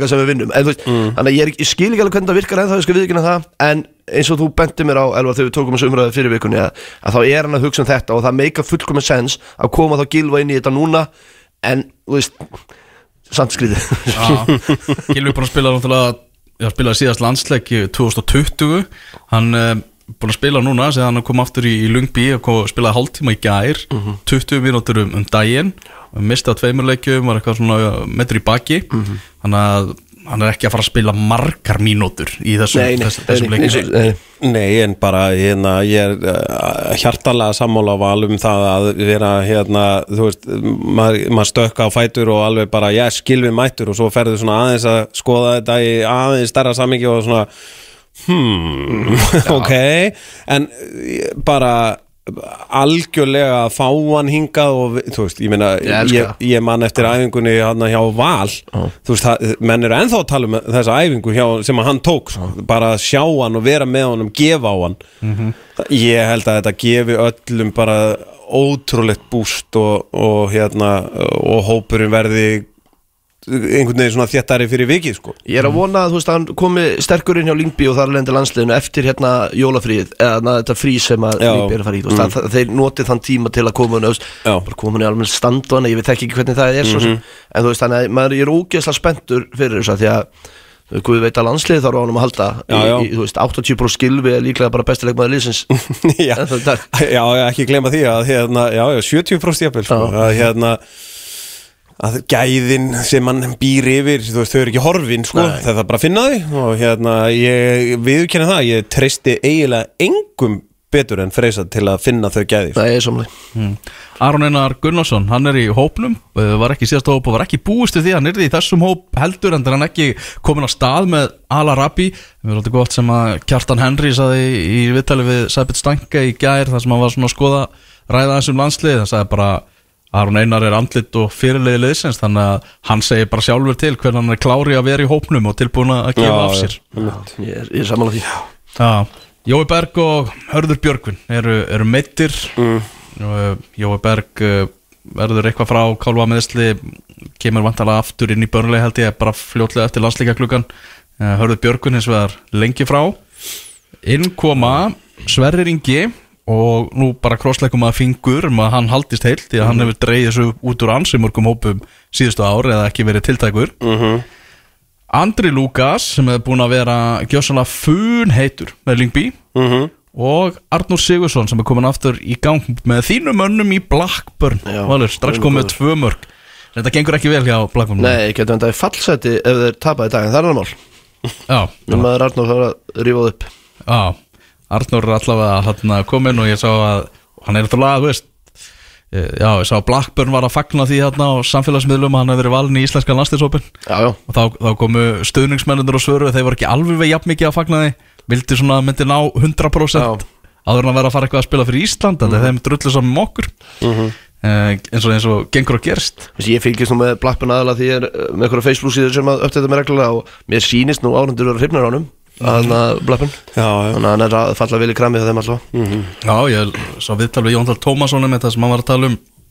Bara Arnur, Arn, hversu vel Arnur passar inn í, Já, inn í hvað hann er bara opinn og bara og dettur, dettur vel inn í þetta sko. En er eitthvað þennan hóp annað en bara þessi, þú veist, að G- Gylfi og Aron komaði inn, þú veist, Hver er Sævar allir dettur út eða ekki? Jú, Já, og, og Stefán Teitur ekki valinn. Já, við heyrum í honum hér á eftir. Já. hann náttúrulega heldur betur. Mynd á sig. mynd á sig, á, sig í gær. Uh, Mikael Egil uh, hann er fer inn í U21 ás landsliðið. Uh, og, og útskýra það bara þannig að Mikael Egil búin að vera mikið á bekknum hjá landsliðinu og taldi að bara best fyrir hann og, og, og fyrir undir 21 ásliðið hann færi þangað inn núna sem er alveg, alveg velskiljanlegt Já, og bara frábær samvinna greina hann á milli milli 21 og svo Alasins mm. mm. Valgeir Lundal mittur líka. Já, Já, sá það? Já. Já, þannig að það eru svona þessar, þessar fréttir í þessum landslýsóp og, og að tala um það að það væri bara hemd sem væri fyrst og fremst í huga hans fyrir þennan leik á móti Luxemburg Ég fíla þetta. Já. Þetta er alveg skemmt. Hvað er þetta að hugsa landslýstöður? Ég er sem hend Það er bara þannig Þetta er sérstaklega að spila fyrir þeir banni Já, takk fyrir það. Já, já, já. Ég tók þetta í brúkupunar já. Þetta var helviti gott. Og sko um Steppa Jag til ekki með, með brúköpið og hans konu, hvað heitir hann? Stína? Stína, Stínu og Steppa. Stínu Stabbi Stínu og Stebbi Það er svoleiðis. Heyrðu, við ætlum eh, næst að vinda okkur til Danmörkur Eh, Ég og Valur mættum á Ölveri gær eh, sem fulltrúar Lingby klúpsins og, og horfum á leik Silkeborgar og Lingby þar sem að uh, okkar mönnum í Lingby var bara hreinlega pakkað saman og maðurinn sem að svona, sá um það allt saman, Stefán Teitur Þórðarsson er á línunni, sæll og blessaður. Sælir, Já, komið þið sálflessu Heyrðu, heyrðu, það, hvernig, hvernig var að vakna í, í morgun? það var helviti fínt sko. Já, það ekki. Eh, Jú, það er ekki oft sem að eða bara aldrei sem maður hefur vaknað eftir svona svona framistu og, og þrennu sko þannig að það var, var ekki mikið sofið en, en nokkru tímar. Og er þetta fyrsta þrennan í meistarlóksbolta eða? e, í í alvöru leik, já. Ég held ég, eitthvað í einhverjum æfingaleik með skaganum mót einhverju annan bildalið eitthvað sko en, en í, í alvöru dild og alvöru leik þá, já. Þetta var, full, gerir- þetta var fullkomin þrenna Ég ætla að skjóta það inn í. Já. Þetta var hægri vinstri og skalli. Já, Já, þetta, þetta var bara, já, eins og segi, þetta var fullkomið þrenna sko og, og þrjú mjög ólík mörg öll og, og þetta var helviti gott. Já, hvað gerist á þessum átta mínútum, þú veist, færðu þið einhvern ofurkraft, þú veist, hljófst út og fegst þér lýsisopa og bara, herru, ég, ég er on it Eða, bara, Ég- hvað gerist? Ég skilða ekki, ég skilða ekki ennþá sko hvað hva kom fyrir hann sko.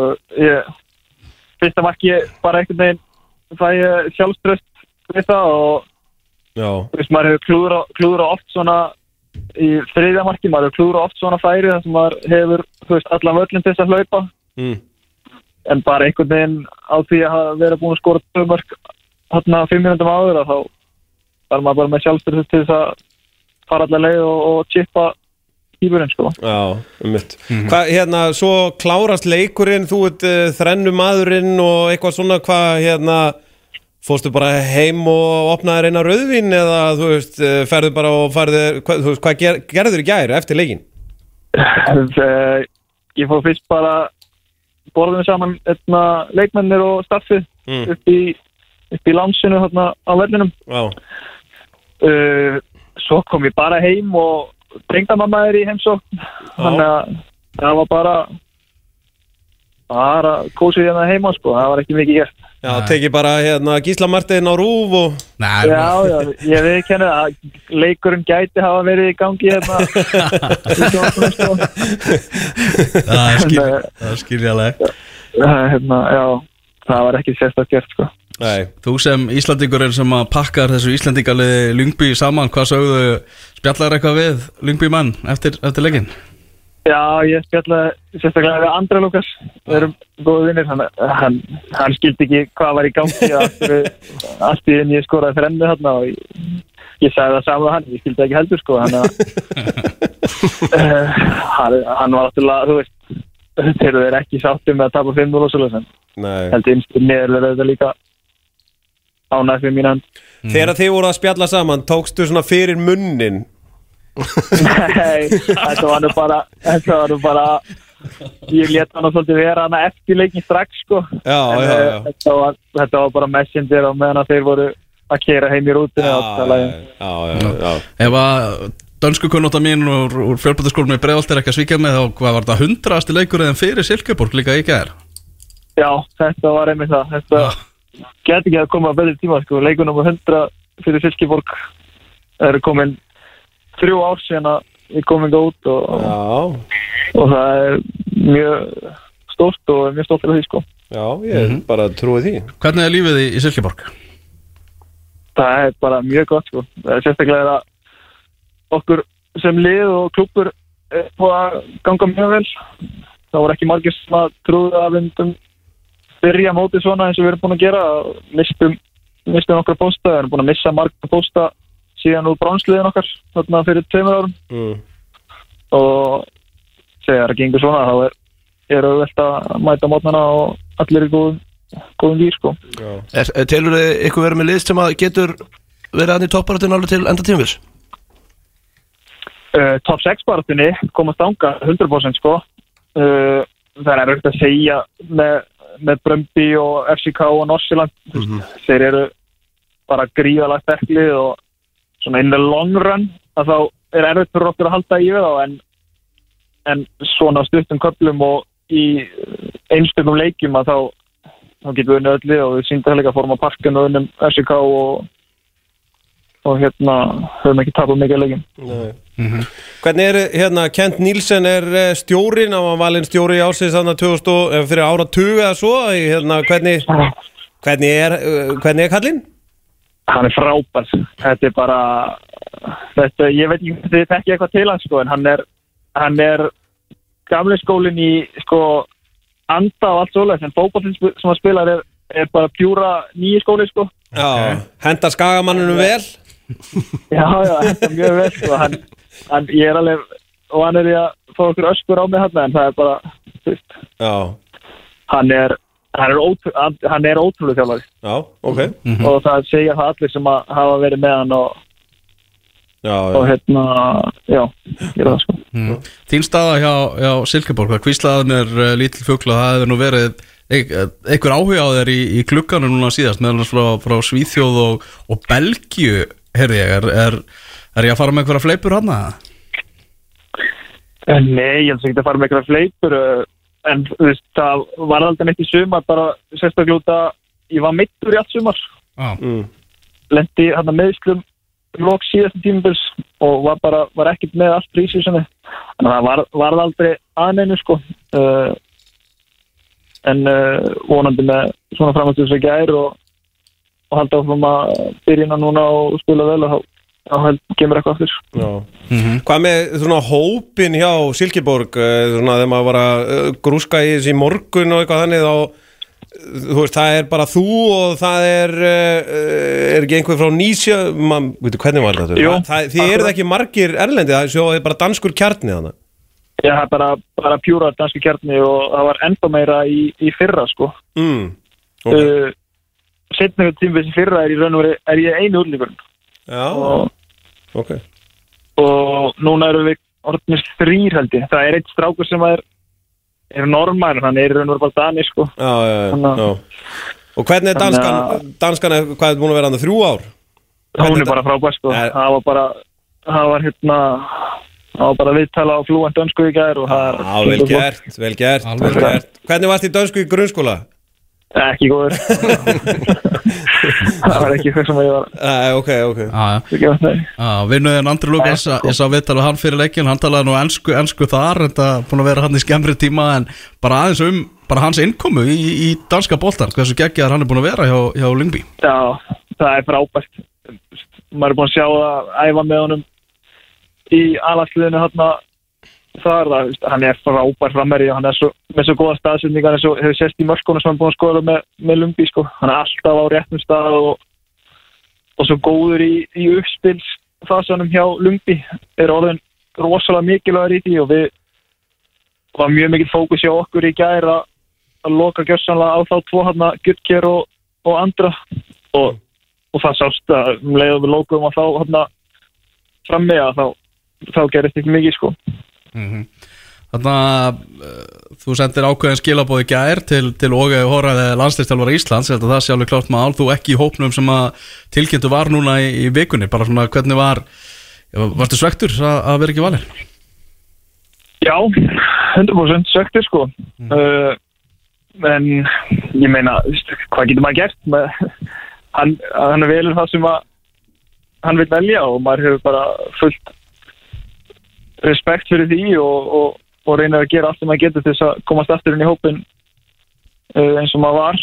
Mhm. og náttúrulega þegar hann velur fyrsta hópin sinn að þá er ég náttúrulega meittur þannig að uh, þú veist ég þarf bara að vinna maður aftur inn. Það er ekki flótt að það Já, já. Mm. Og þannig að svona ennþá með bakveðir að að mögulega getur núrið eitthvað breytingar á hópnum þegar að líður að þessu, þessu, þessu verkefni. Þá ertu vantilega tilbúin að stökkva inn að kallið kemur. Já, algjörlega, mér bara sína það 100% í gæri að að ég er klár þegar, þegar það kalli í mig sko, það er engi spurning. Mm -hmm. Lýst ekki bara annars vel á, á, á framhaldið næstu vikur? Jú, bara rosalega vel, við fáum núna hérna tvær vikur til þess að koma og halda áfram bara í sama og og svo mæta í, í næsta súbúlíðuleik og klára hann líka. Það er engin spurning sko. Hvernig er svona dagskráin? Fyrst að Tengdó er hann á úti á að, hvað, hvað, hvað á að gera? Ég sendi, sendi hann á kæristuna til Árusa bara. Ég er að slaka á henni heima og horfa á Söndiland Middlesboro Já. Ok, ekki Luton Tottenham. Það er Nei, ég, það er einn hérna félagin minn að spila í Middlesboro sem var með okkur í liðin í Silkeborg seldur hann í sumar. Já, ok, alright Þannig að það er bara hugulegur eh, dagur í, í sófálum eh, Já, já. Þetta ekki ánað með, með skagamennarnas Mættir aftur það sem er eiga heima? Já, geggja, bara uh, ógislega gert þegar maður snúið sig við hann á miður tímubili og það verður mjög gaman að sjá hvað, hvað er eitthvað að gera með að styrkja liðið og, og allt svoleið sko, það verður spennandi. Þurfa að sína skynsemi þar, það er alveg ljóst. Já, þeir eru við skonum eitthvað peningana eftir að hákonum vinna minn svo þetta er frá Akland þannig að það verður- það verður mjög gaman að sjá. Ákvæmlega Eru Stefán Dildur bara takk kærlega fyrir að gefa þér spá tíma til, að- til að spjalla við okkur og bestu kveðjur til, til Danmerkur. Takk fyrir spjalli Bye bye. Bye. Já, það held ég eh, DK þarna. Já, heldur betur. Nei, Bjarni Ólafur uh, spilaði með Silkeborg 2006 þegar ég fór á einn leik hana, með honum og hérna þetta er, uh, þetta er uh, fínasti bær. Já Er, er, er, er eitthvað var hérna, uh, við fórum ekki hérna, fórum Tengdó er í heimsókn. Tengdó heimsókn. Já, Heri, það er uh, loka umferðin í uh, bestu deildinni þessa helgina og fimm af leikjurum sex þeir uh, fara í gang núna eftir rúman hálftíma klukkan tvö. Og uh, skjöldurinn hann er náttúrulega að fara á loft og það er party í allan dag. Byrjaði bara núna klukkan 12 þá opnaði svæðið í, í fósfóðinum og það er hamingjuball og ég veit ekki hvað og hvað. Uh, þessi leikur Víkings og Vals það er áhugavert að ef Valur vinnur hann þá verður þá vinnur Víkingur þetta bara með, bara með fimm stíðaminn Mm, Já, já, það sem er ákveðin sögufólsun Já, vikingar veginn. Það er bara ekki hægt að segja hana Þeir eru, ég ætla ekki að segja hættir En það skip- skiptir ákveðin ekki einsmiklu máli Finnst manni. Mæn, en þú veist, það er, hérna, Arnar gerir Arnar Gunnlaugs þar að segja, hérna, gerir þrjár breytingar á sínu liði, Pablo, Aron Elís og Ingvar Jónsson kom inn í liði. Þetta er ágætis viðbætur, sko. Já, og, hérna, og þeir ætla sér klálega endið á sigri og fara svo hamingjusamirinn og Já, hamingjusamirinn ég meina það er ekkit gaman að halda eitthvað hamingjuball með Páli Óskari, þú veist, sem er e, bara, það er skemmtilegustu böll í heimi er ennþá að fara á pallaball, það hefur ekkit annað komið. Og hérna, þannig Sá að kannu þetta maður Já, já, og hérna það er ekkert gaman að koma inn með eitthvað, þú veist, þrjú eitt tap á bakinu, sko. Og kemur nú samt alltaf með skjöldin og byggamestartitlin líka á bakinu Já, og já. byggamestartitlin kvenna á bakinu. Og lengju til það mest, uh, kvenna á bakinu. Þannig að ég held að jafni sem áleg Já, já, það er bara, þetta er annað. Já, já, ég skil ekki Þessi verður nú líka hana, minn maður. Já. Hlustum aðeins á nýja vikingslæði, við erum vikingar ég er að gjalda fyrir það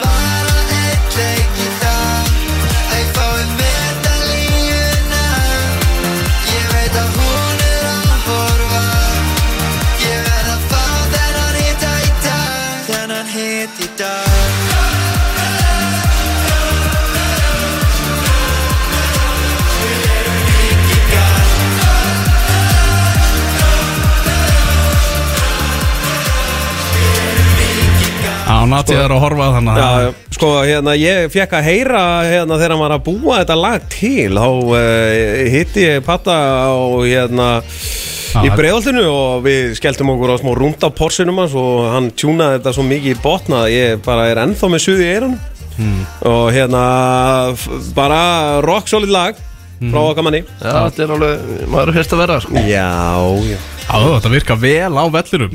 Bara, þú veist, já, þegar þegar verið að blasta þetta, sko. Já, ég bara, ég man ekki eftir að heyrst þetta áður. Ég skal viðkynna það, þetta er fyrst skipt sem ég heyrði. Þetta Já, það er rámt þér, ég var með þér á Ég veit vikinu það, daginn og það var verið að spila þetta Þess vegna sagði ég, ég man ekki eftir að heyrst þetta.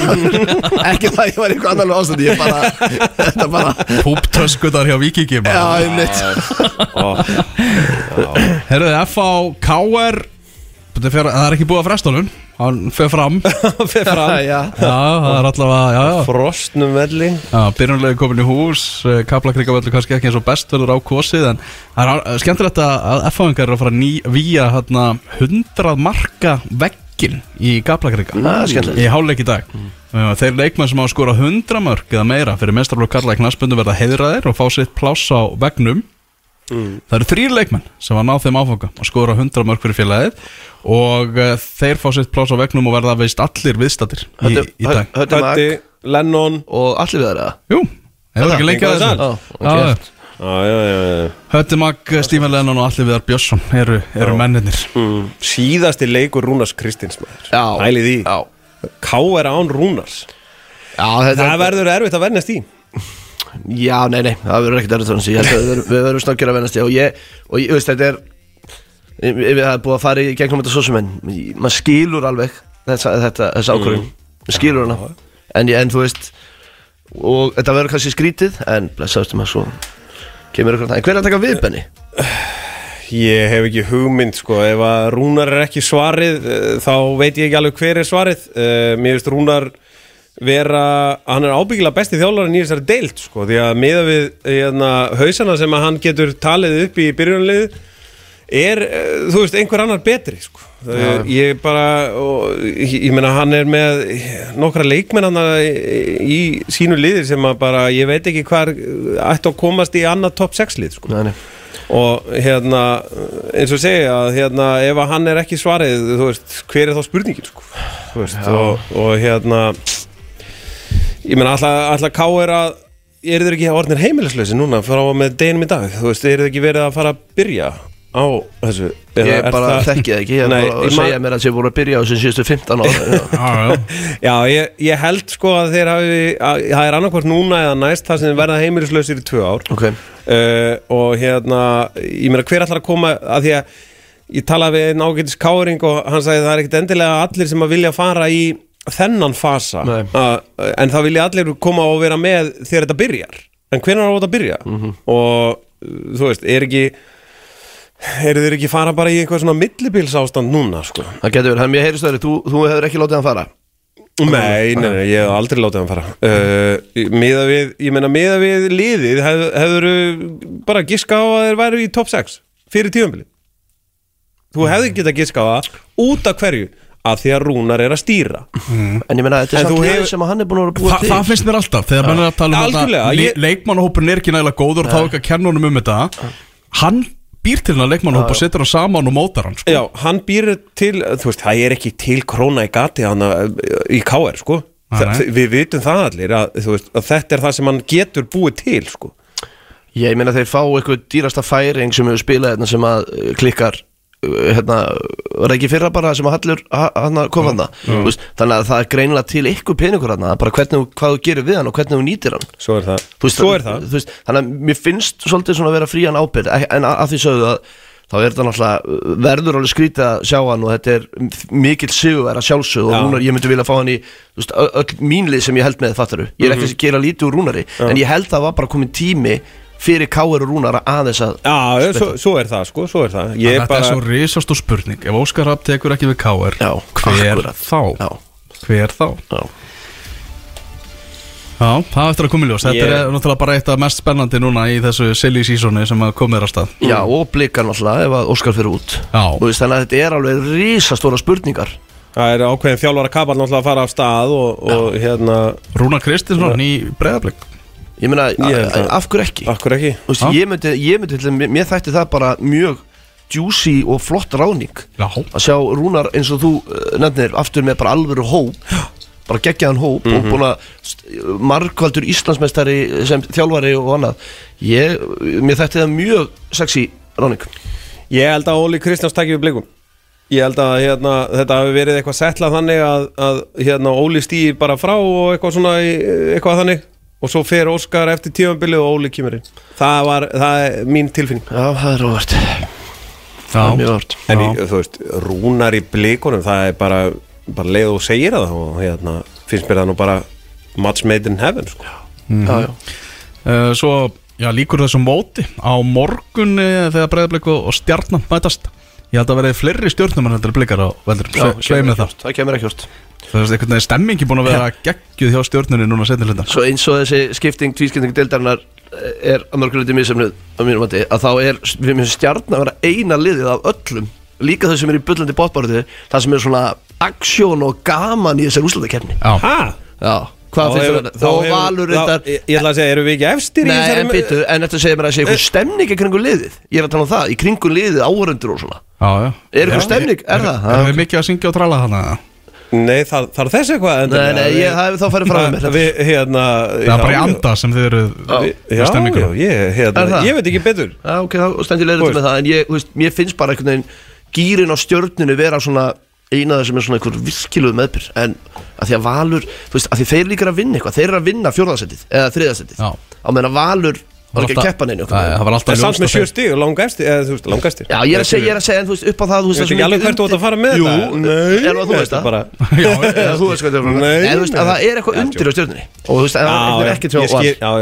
En þá er, þá gefum við það að allt hrós á að Arna Gretarsson að, að hérna, vera að vinna þennan, hérna, þessa ústakefni eins og staðan núna. Mhm. Sjö stig, stjarnar 6 markatöluna pluss fjóra. Ég fór aðeins að grúska í það sko Er munur á því, þú veist, peningarlega að lendi þriðja eða fjórðasæti mm. Það er vist bara eiginlega engin munur á því mm. Það var ákveðið held ég að þegar tekjundar fór að koma inn hérna, þú veist, með síningaréttin og allt það Ég held að 95% af þeim rennir bara algjörlega jafn til Ah, félaga sniðugt. Þannig að það er ekki mikill munur á því að lenda í þriðja eða fjórðasæti mm. Herru, lítum þá á það sem að náttúrulega mestu máli skiptir Það er þessi fallbarátta og Bam, bam, bam Valur, hvernig sér þetta fyrir þér? Hvað, frættu, frættu hlustendur, bara hvað hvað er í húfi, hver er að fara niður? Hvað Ég- þarf að gerast? Já, sem sagt uh, Áhugaverðasti leikurinn er Fylgir fram að mínum að Og ég er að skella mér í árbæðin Bara um leið og við erum búnir, búnir hérna. Uh, Og ég held að Ég held nefnilega sko Ég held að IBF sé alltaf að fara að vinna í, Út í eigum Já, ok, já, Ég bara, veist Ég veit ekki af hverju það ætti ekki að vera þannig. Já. Og hérna Sem að þýði þá að, að fylgir fram Er ekki rétt hjá mér Að það er bara Það er ansi, ansi stór leikur. Það er heldur betur, svakalur leikur alveg slagur. Það er líka bara svo svakalegt einhvern veginn að því að hérna, Raggi Sig er að mæta sko. Já, akkurat. Sem ég finnst það, það er svo mikið sögulína sko. Já, Raggi sig að geti felt uppöldið liðið Já. sitt Alveg klálega íbjöða fer þá í 27 Já, fyrir þá með, já, með því. Já, en það er samt hérna Já, já það- þeir farið í 27 Og ef að fylgti tapar Að þá hérna, þá falla þeir. Já, Þú veist, Þannig að það er hjúts leikur. Já, En aftur á móti þá er þetta náttúrulega sko þú veist, Það er hvað muna, sex mörgum á, á, á HK IPVF Sem er ykkur hluta vegna í, í hérna þessari umræðu ennþá. Mm. Þú veist þannig að Það er svona, úrlega, en það er langmesta líkunar ef IBF ætlar að halda sér á fyrir þá uppi þá verður fram að vinna fylki Mhm. Þessi leikur fyrir norðan, KHK Þetta eru svona tvölið sem verða fegin að komast í frí þegar þetta er bara búið eitthvað til. Já, Og, og hu- sko þetta er náttúrulega sko káamenn er að stilla upp 17 ára markmann eða eitthvað alveg að ekki. Já, ok. Það er eitthvað þannig, þeir eru með 17 ára markmann og annar 17 ára í, í byrjanleginu Mm. og þú veist, HK er ekki tölfræðilega sloppið fall ennþá. Mm. Og þeir eru að fara að mæta þarna liði sem er með oft talað um tvo varmarkmenn en þeir eru að nota kvorugan, káa þeir eru að nota 17 ára, gutti maður er ekki 17 ára. Ívar Arnbróð Þóraldsson heitir hann. Já, og það er svolítið svona, þú veist Hákamenn gráta það ekki þetta, ekki það ég veit ekki um markmann kannski en hann geggjaður. En þú veist, hákamenn gráta það ekki að vera að mæta honum í markinu. Nei, nei, nei, nei menna, þeir, Þetta gefur þeim alveg blóð på tanna en sko að, að sjá skýsluna Valdimar Lógi Sæfason er hinn. Já, það er verið að sína aðeins ungu strákana hérna í Já, já. Já, já, blóka það aðeins, það er fínt. En þú veist, það sem er alveg magnað við þetta núna Það eru fjögulið sem geta fallið í dag. Þú veist, Það eru fjögulið, það eru IPVF Fylgir, HK og Fram. En, þú veist, Fram þarf þá að tapa sjö mörgum á, á IPVF og, og, þú veist og HK þarf að tapa niður sjö mörgum líka múti, uh, sex mörgum múti IPVF Þannig að þú veist, það eru í rauninni að mínum mati tvölið sem er að berjast um þetta. Og það eru fylgir og IPVF Mm, Þannig að Ég held að IBF að fara niður Já, ég, veist, það kemur ekkert vart ég, ég held bara að hérna talandu stemmingu, talandu stuði ég held að hérna, Gunnar Eða Þorvaldsson hafi svolítið svona uh, opinbyrða það að það er engin stemming fyrir fótboltæði í Vestmannum núna og hérna mm, þetta er eitthvað, það er eitthvað uh, ránt í gangi Já, og ég held að þeir hefðu bara gott að því að fara niður. Þá, þá fara þeir bara niður næst sko. Já, handbóltin, handbóltin er að taka rosalega mikið af Stór, fótboltanum. já, stóra kökusneið. Í hérna Vestmannum og, Mm. og, veist, og sem að skilur alveg, þú veist, það er búin þvílík stemningi, þetta eru ríkjandi Íslandsmeistarar í handbólta já, já. og þú veist, ef maður ætti að velja út í íþrótt eða inn í íþrótt í Vestmannum, ég er ekkert við sem maður myndi endilega velja út í íþrótt ef maður verið góður í báðum. En hérna, en ég er sammálar ég, ég, ég held að eigamenn fari niður í dag að því held að fylgir vinni Já, þetta var rosalegt uh, viðtal við Gunnar Heiðar hann í Chess After Dark þar sem, hann var að draga upp þessa svörtu mynd hvernig liði fallið, KFS fallið og sagði bara hreinlega að hann hefði flúið vestmannegar því að hann á krakka sem er í yngri flokkum og bara fannst ekki vera nægilega vel haldið utan um yngri flokkan og ekki nægilega þjálfun sem þeir eru að fá í vestmannum Já, Já, það er rosalega stór orð frá stórum karakter í Vestmannum, já, þú veist, þetta er ekki hver sem er. Nei, akkurat. Þannig að, hérna, og hann sér bara, hann segir þarna við erum með marga eigamenn í liðinu en ég sé engan koma upp næstu 5 til 7 árin. Pæliði því. Segir hann. Til sjö árin já. það er Það er rosalegt sko. það er hreinlega Og rosalegt svo er annars okkar, ég minna Þeir eru með veist, Martin Ægjesson er liðstjóri hjá IPVAF sem er eigandi og stjórnarformaður þróttar vóðum og vinur hemmar heiðas veist, þeir- Það er eins og ég get ekki einu svona mannað bekkin á sínu fólki Þetta er alveg, það er eitthvað mikið í gangi þannig því miður og ég er bara því miður þá held ég að eigamenn falli í, í, í dag. Já, ég meina það eru bara tvö lið sem eru bara lengjudelda lið að mætast í vestmannum í dag. Já það, ég er samanlega því líka. Það er alveg hárétt Íbjáf Keflæk Já. En ég Já. held samt að eigamenn vinni þann leik. Ég, ég, veist, ég bara, ég trúi ekki öðru. Já, en, já, en að, að þeir vinni, en, en að þeir fari samt niður. Já, það, það er spurning uh, hvernig það er. að það er, sorry, það er rosaleg pressa á fylgismönnum í dagmaður af því að þeir vita að þeir eigamenn er að mæta keflingum Já. sem hafa enga keppa. Mikið högg fyrir Íbjáf að, að Sverri Páll Hjaltesteð hafi meiðst þarna. Það hann var búin að komin í gang og byrjaði að skora.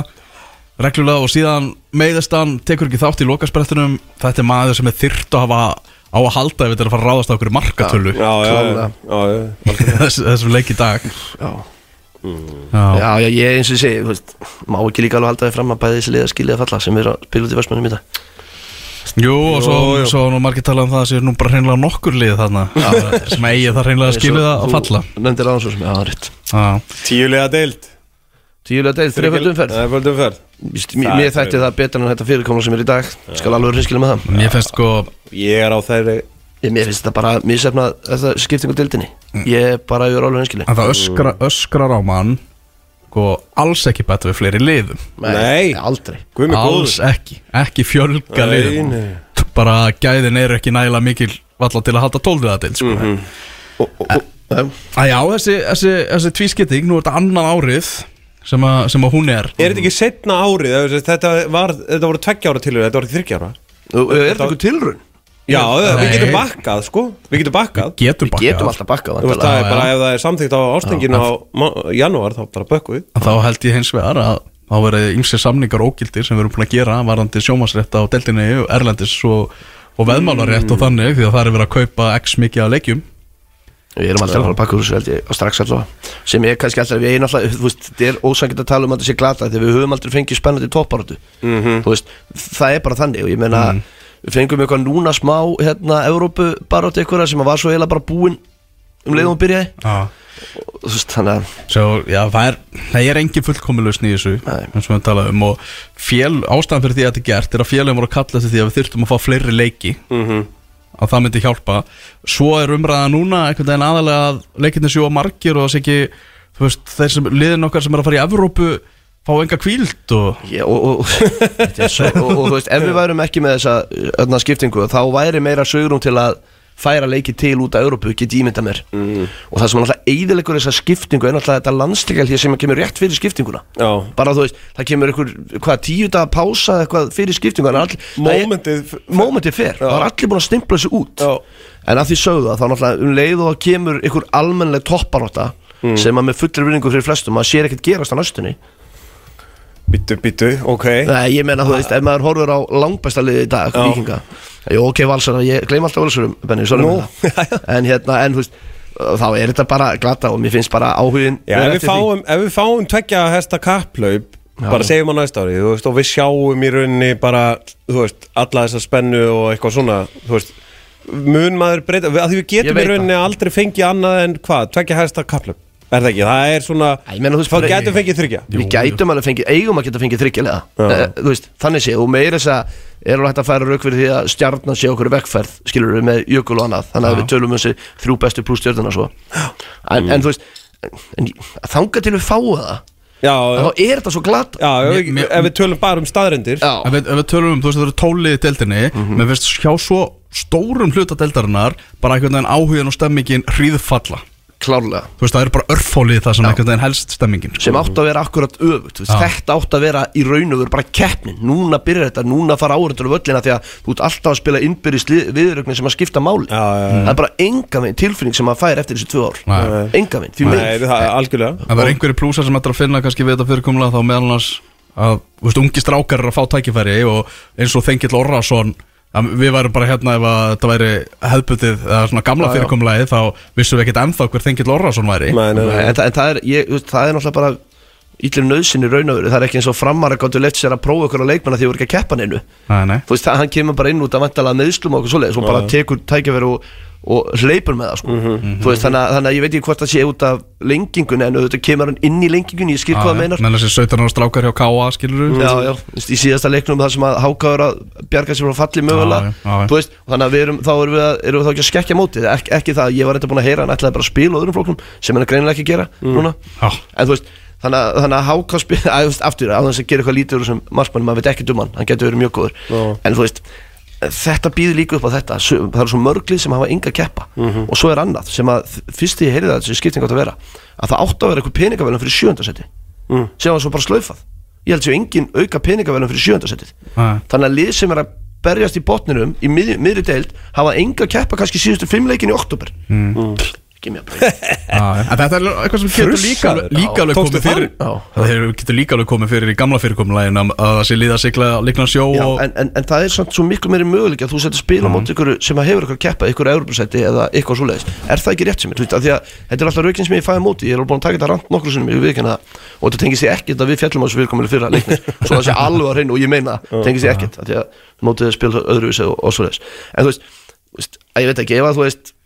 að er að ef að ef að fram var að keppa við breyðablík sem var að berjast um fjórasetti eða þriðasetti, annarsetti eitthvað þú veist, það, er, það eru meiri líkur og hittar á þannig held ég í vennuleg fyrirkomul en aftur, ég, veist, ég veit að ég er svolítið að öskur upp í skínina og, hérna, og, og bara allt í lægi, þetta er bara mín skoðun á þessu móti og mér finnst þetta bara hinga til að hafa verið misamætt Já, ég er svona æfrekar að halla samt að þessu sem Valur er að segja.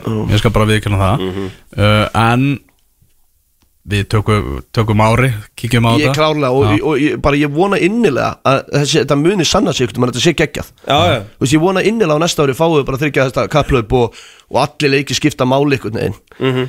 bara sé það ekki gerst alveg, nei. Það er- er að byrja klukkan 2 Náttúrulega allir í, í beinum textalýsingum á fótbolta.net og, og síndir á, á stöðtu sport Það er FHKR í efri hlutanum og Víkingur Valur þar sem að skjöldurinn er að fara á loft. Það fekk senda mynd hérna af, af 100 marka vegnum hjá, á FH Hann er verulega svalur sko. Já, það ekki? Geggja, að Þetta er geggja koncept. Já, mjög skemmtilegt Í neðri hlutanum lífsbaráttu laugadagur þar sem er uh, framundan og fylgst með í beinum texta þetta sem finnst með í beinum textalýsingum. Það er KHK IPVF Keflavík og fylgir fram og í öllum þessu viðrögnum eru félög sem eiga á hættu að, að falla. Mismikið þó. Maður er ekki að sjá að hákáðingana fara niður.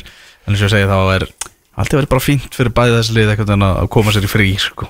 Ég meina ef að mótið var enn lengra þá myndi háka fallu úr Ég ángríns, það er bara, það, það lítur þannig út Þryggja hesta kapplöp Þættinu var að berast bref Þetta er að vera að berast bref Já Þryggja hesta kapplöp Vestri með alla sína lagseldis peninga Þeir eru alltaf að fara að taka annarsætti Já, pottitt Menn eru bjartsinir og bratt Þeir voru inn í þessum þryggjast að Já, já. Við nefndum, nefndum ekkert hvað þriðið Já. Það er Á þannig. X Já, Þarna minna fólk á miðasölun á landsleikin Það er á tix.is landsleikina það er náttúrulega tveir landsleikir, Luxemburg og Liechtenstein. Mm. Föstudagskvöld í Under the Lights á, á lögadalsvettinum er eh, fyrirleikurinn og eh, síðan á, á mánudeginum er, er næsta leikur þar eftir. Erum förum aðeins yfir hafið, förum aðeins til Bretlandsega til Englands á, í svona í lok þáttar. Það var að klárast leikur Luton og Tottenham þar sem að Tottenham vann 1-0 sigur eina marki á 50. og annari mínútu og það sem er svona merkilast er það að Tottenham spilaði allan setni háleikin manni færri. Það 0-0 í háleik og manni færri náði Tottenham að vinna sigur á móti nýluðum Luton sem er askoti upplugt Já, það er bara góðu gangur á tóttunum og þeir verðast bara að hafa hitt á réttan þjálfara heldur betur.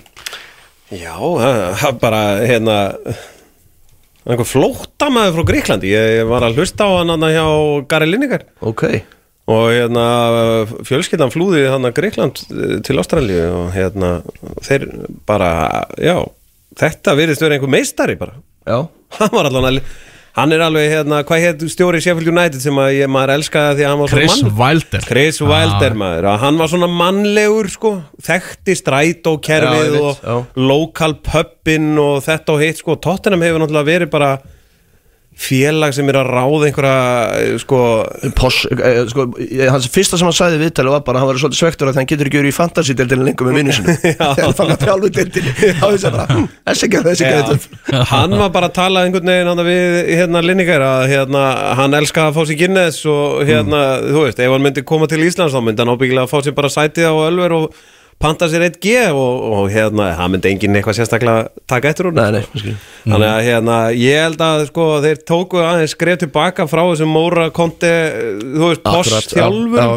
og fóru bara í einhvern svona góðan gæja sko sem er bara frekar ánaður að vera á tóttunum á meðan að hinn eru alltaf bara eitthvað ó, ég þól ekki að vera á tóttunum að hérna, ég held að þetta sé bara frábært. Já.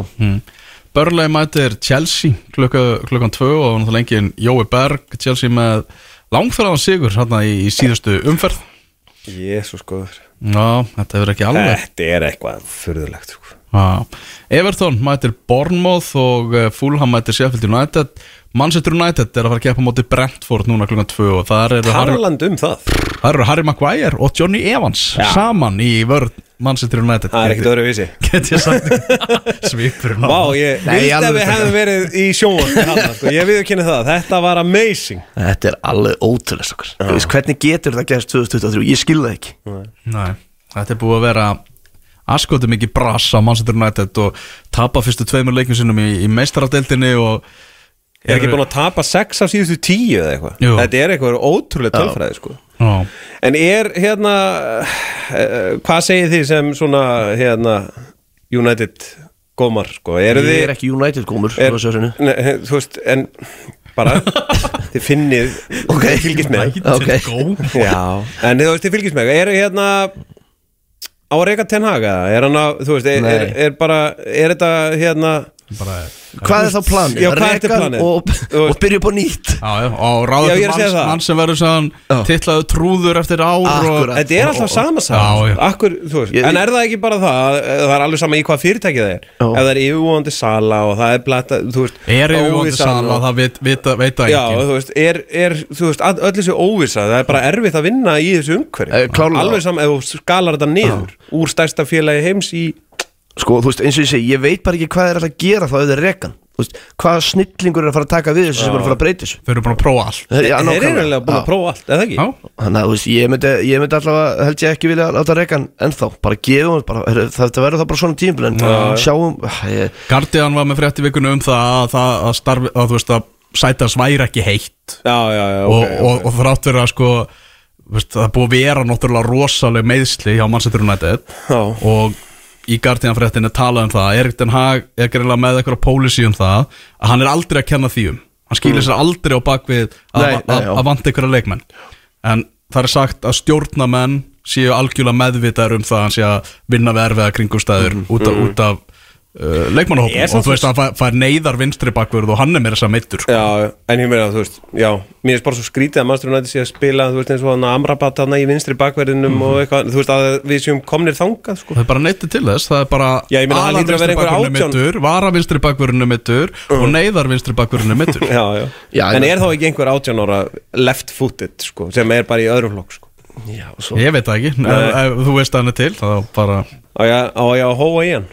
Svo, svo eru kaup eins og Sancho og svona skil, sem bara hafa klikka hjá þeim Þetta eru stór og dýri menn, stór og dýri menn. Já, já. já. sem bara hafa klikka og ég myndi ykkur ef að þú veist sikkur 100 miljonum punda maðurinn að hvað er kostið hann Antoni og Sancho eitthvað mm. veist, væru góð, skilju hvað mér, þetta væri actually 100 miljonum punda, þá var þetta alltaf lið. Það hefur bara klikka og það hefur ekkert gengið upp hjá þeim eitthvað undarfærið þetta er alveg glætað Sýtaðisleikurinn er Crystal Palace Nottingham Forest og svo er það sunnudagurinn það sem er ofur, Já, já, já. ofur sunnudagur. Heldur betur. Brighton sem hefur verið að, að já, fekk náttúrulega skellum síðustu helgi og ég er greinlega aðeins að læra inn á það að vera að spila í Evrópu með frá því að vera að spila í deildinni. Já.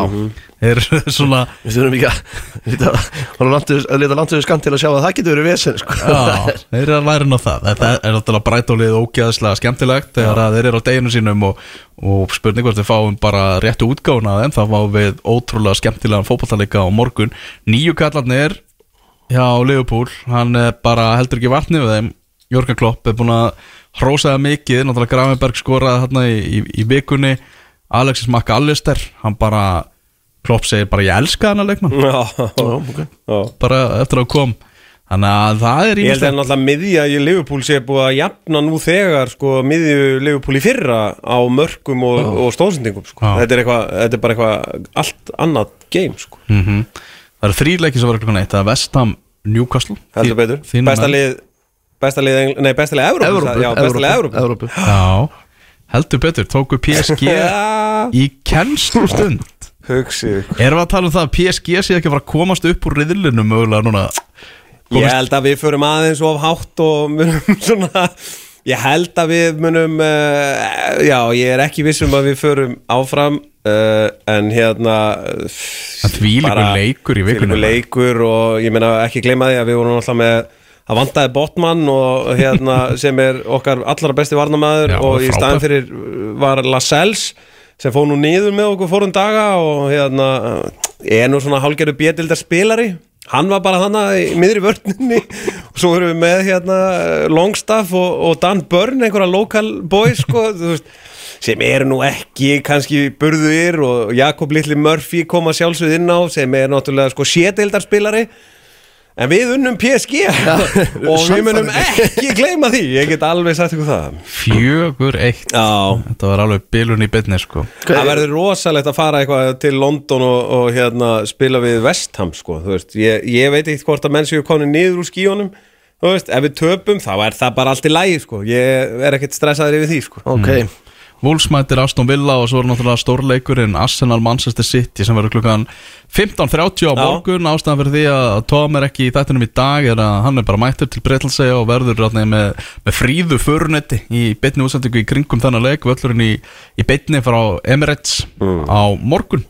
Arsenal þarf að fara að vinna City Það er að segja, þú veist, þeir þurfa bara, heyrðu, við ætlum að berjast á alvöru hérna Við ætlum bara að vinna City og sína við getum Ég gef einhverja yfirlýsingu um Já, það, akkurat. þeir geta, þeir, Já. Ég sá einhvers stað tölfræði þegar þeir ekki unnið á í dildinni í einhverja 8, 9, 10 leiki Einmitt. sko. Þetta er, það er helviti langt Já, Þannig að, hérna, að sammála því að ef að þeir ætla að láta taka sig alvarlega þá er þetta leikur En hvað var Ga- Guardiola að segja að, að í oktober væri mistaradeldin í forgrunni hjá City? Þetta er mjög áhugaverð og basically sagði að bara meðan meistarateldin er í gangi þá er hún nummer eitt. Já, sem er eins og ég segi, eins og ég segi þú veist, í, þegar maður er að spila fútbol með hans er hann alltaf með varliði sitt í mestaradeldin í, í já. maður er nú haldið að þið gætu aðeins svona, svona, svona stór skrítin umhali En það er ótrúlega, hérna, af því að þeir unnu náttúrulega þrennuna síðast Ég held í alvörun að City myndi verða þunnir Svona í september-oktober, sko. Ég er, bara, það ekki, er það ekki alveg svolítið þannig? Þeir voru að tapa leikundaginn á móti ykkur já, en þú veist, þeir eru búin að vinna sex, uh, Já, en ég í að Holland er ekki að, að, Já, ég hef nú eitthvað, engar sérstakar áhyggjur á Nei, ég hef ekki sko. ágjörð á veldur, en með þetta tala um þingu. Ég meina, Já. mér finnst sitt ég ekki að vera sama powerhouse og áður. Eða er ég röggan við það? Nei, þeir eru nú yfirleitt ekkert eitthvað eitthvað Kevin De frábæri Bruyne er búin að vera mittur núna í marga vikur og það er einhvern veginn engil að tala um það því að þeir eru bara búin að vera að vinna svo mikið sko. Hann er að detta aftur tilbaka. Við erum með, með kveikta og, Og Nana í markinu hjá United. Já,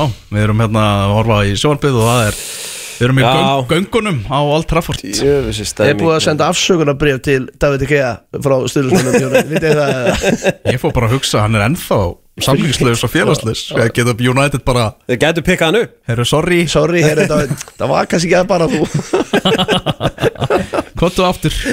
Það Það það væri trillt það myndi gerast, það væri gjössalega trillt. Já Herru það þannig að við erum bara komin að leiðarlokum? Hugsa ykkur, þetta var nú snöggir tveir tímar. Já, Þetta er skemmtilegt, þetta er Já. alltaf gaman að tala um fótbolta. Já, af nægu að taka. Svo fyrir við bara, þið voru á Ölveri gær að tala um fótbolta og Ölveri dag að tala um fótbolta. Ef við ekki, að- að hittast á morgun bara og horfa á leikina og spjallum fótbolta? Erum við ekki að fara Já, það, ég og Valur erum að fara að gera það. Það er innkast á morgun og við erum að fara að gera upp lokaumferðina. Já, En hérna, ég ætla að í Árbæn Þú ert í Já, Árbæðin ég ætla að skilja mér. Ég ætla að fara til Breka og við ætlum að reyna að sjá Patrik Pedersen skora hundraðasta markið Já, fyrir val gegn Viking Spútnigliði vals í úsluðakefni Það er engin stemming hjá val. Nei, að, að, ég stendur við þetta Erum við heldum lokahófi í þessum þætti? Við fórum yfir lið ásins í deildinu og að ímsar veluna afhendingar sem voru í gangi og þið getur allar inn á fótbolta.net hverjir voru valdir bestir í hvaða flokki hjá okkur. Uh, Stefán Teitur var í betni frá Danmörku við rættum um landsliðið vestra.net byggarinn og ennskaboltan hérna í lokin og ég er örgulega að gleyma einhverju en það skiptir engum máli því að þátturinn verður hérna aftur næsta laugardag engastið á morgun. Þanga til, bless bless